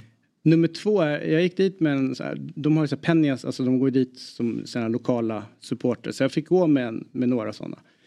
Och var så jäkla dött på läktaren och det var ändå en helt okej match. Det som Mm. var mot Sevilla hemma och sådär. Som jag ändå tycker är relativt stor match. Då sa han så här. Du vet det är så roligt. Det, högst, jubel, eller högst volym på arenan är eh, ett när om Real Madrid släpper in mål. Då jublar de. Och sen så i paus eh, när folk, för de har med, medhavda mackor i folie. Då säger han så att det blir, mycket, det blir högre ljud när de knäpper Ja. upp det här foliet. Än vad det är Alla sig en jävla Alla-. Ja exakt. Och så sitter de så här.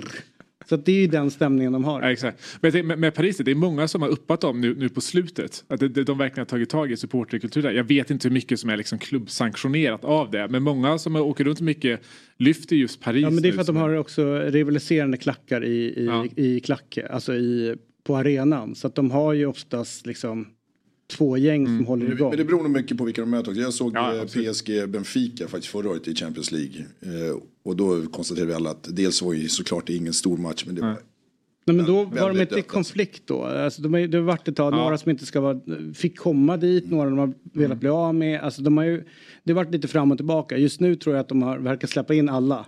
För att det är bra stämning. Sen Tidigare, hjälper ju till att ett lag som Newcastle kommer som rimligtvis, nu har inte jag sett så mycket men rimligtvis hade med sig en bra Ja. supporterskara också. Du vill ju ha en, du vill ha en motpol. Mm. Liksom, så att, Nej men precis, nej men för jag tänker säga, den franska supporterkulturen har ju haft sin beskärda del av problem den senaste tiden. Men det har ju också fått lite, eh, lite positiva effekter på läktaren. Att det blir också, just de här stormatcherna blir lite bättre än vad stormatcher i Europa det är väl nästan det stökigaste från senaste, alltså, om vi bortser från såklart Grekland, Turkiet och de här, där det är stökigt varje match. Men eh, Frankrike hade ju riktigt mycket Ja, det- eh, under förra säsongen som var rörigt. Ja, ja. Avbrutna Verkligen. matcher och... Ja, det och det fortsätter ju nu. Ma- Marseille och Lyon eh, har ju liksom...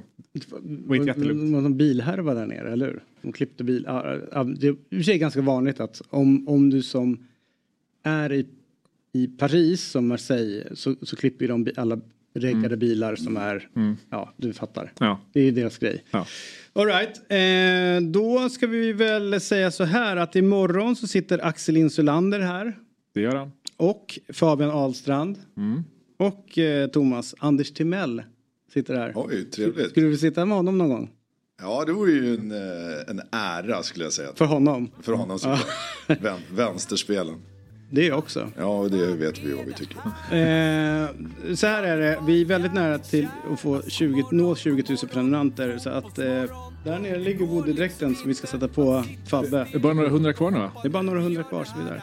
Vi ses imorgon 07.00. Hej då!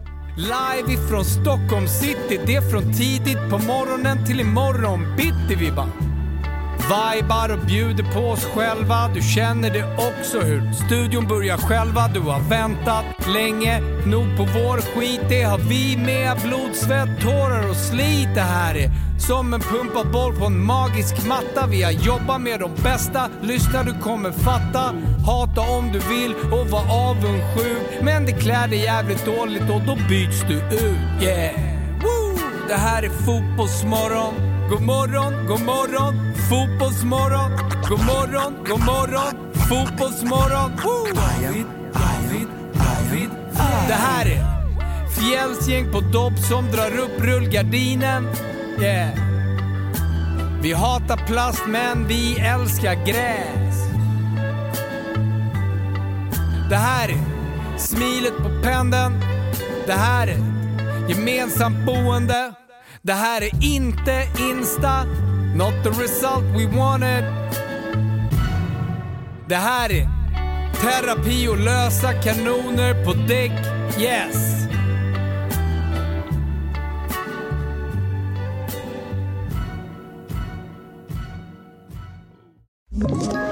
Ett poddtips från Podplay.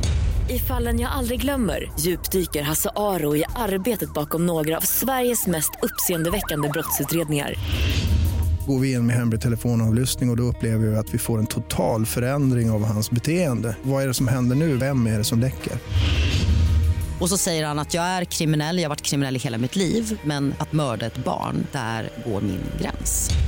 Nya säsongen av Fallen jag aldrig glömmer på Podplay.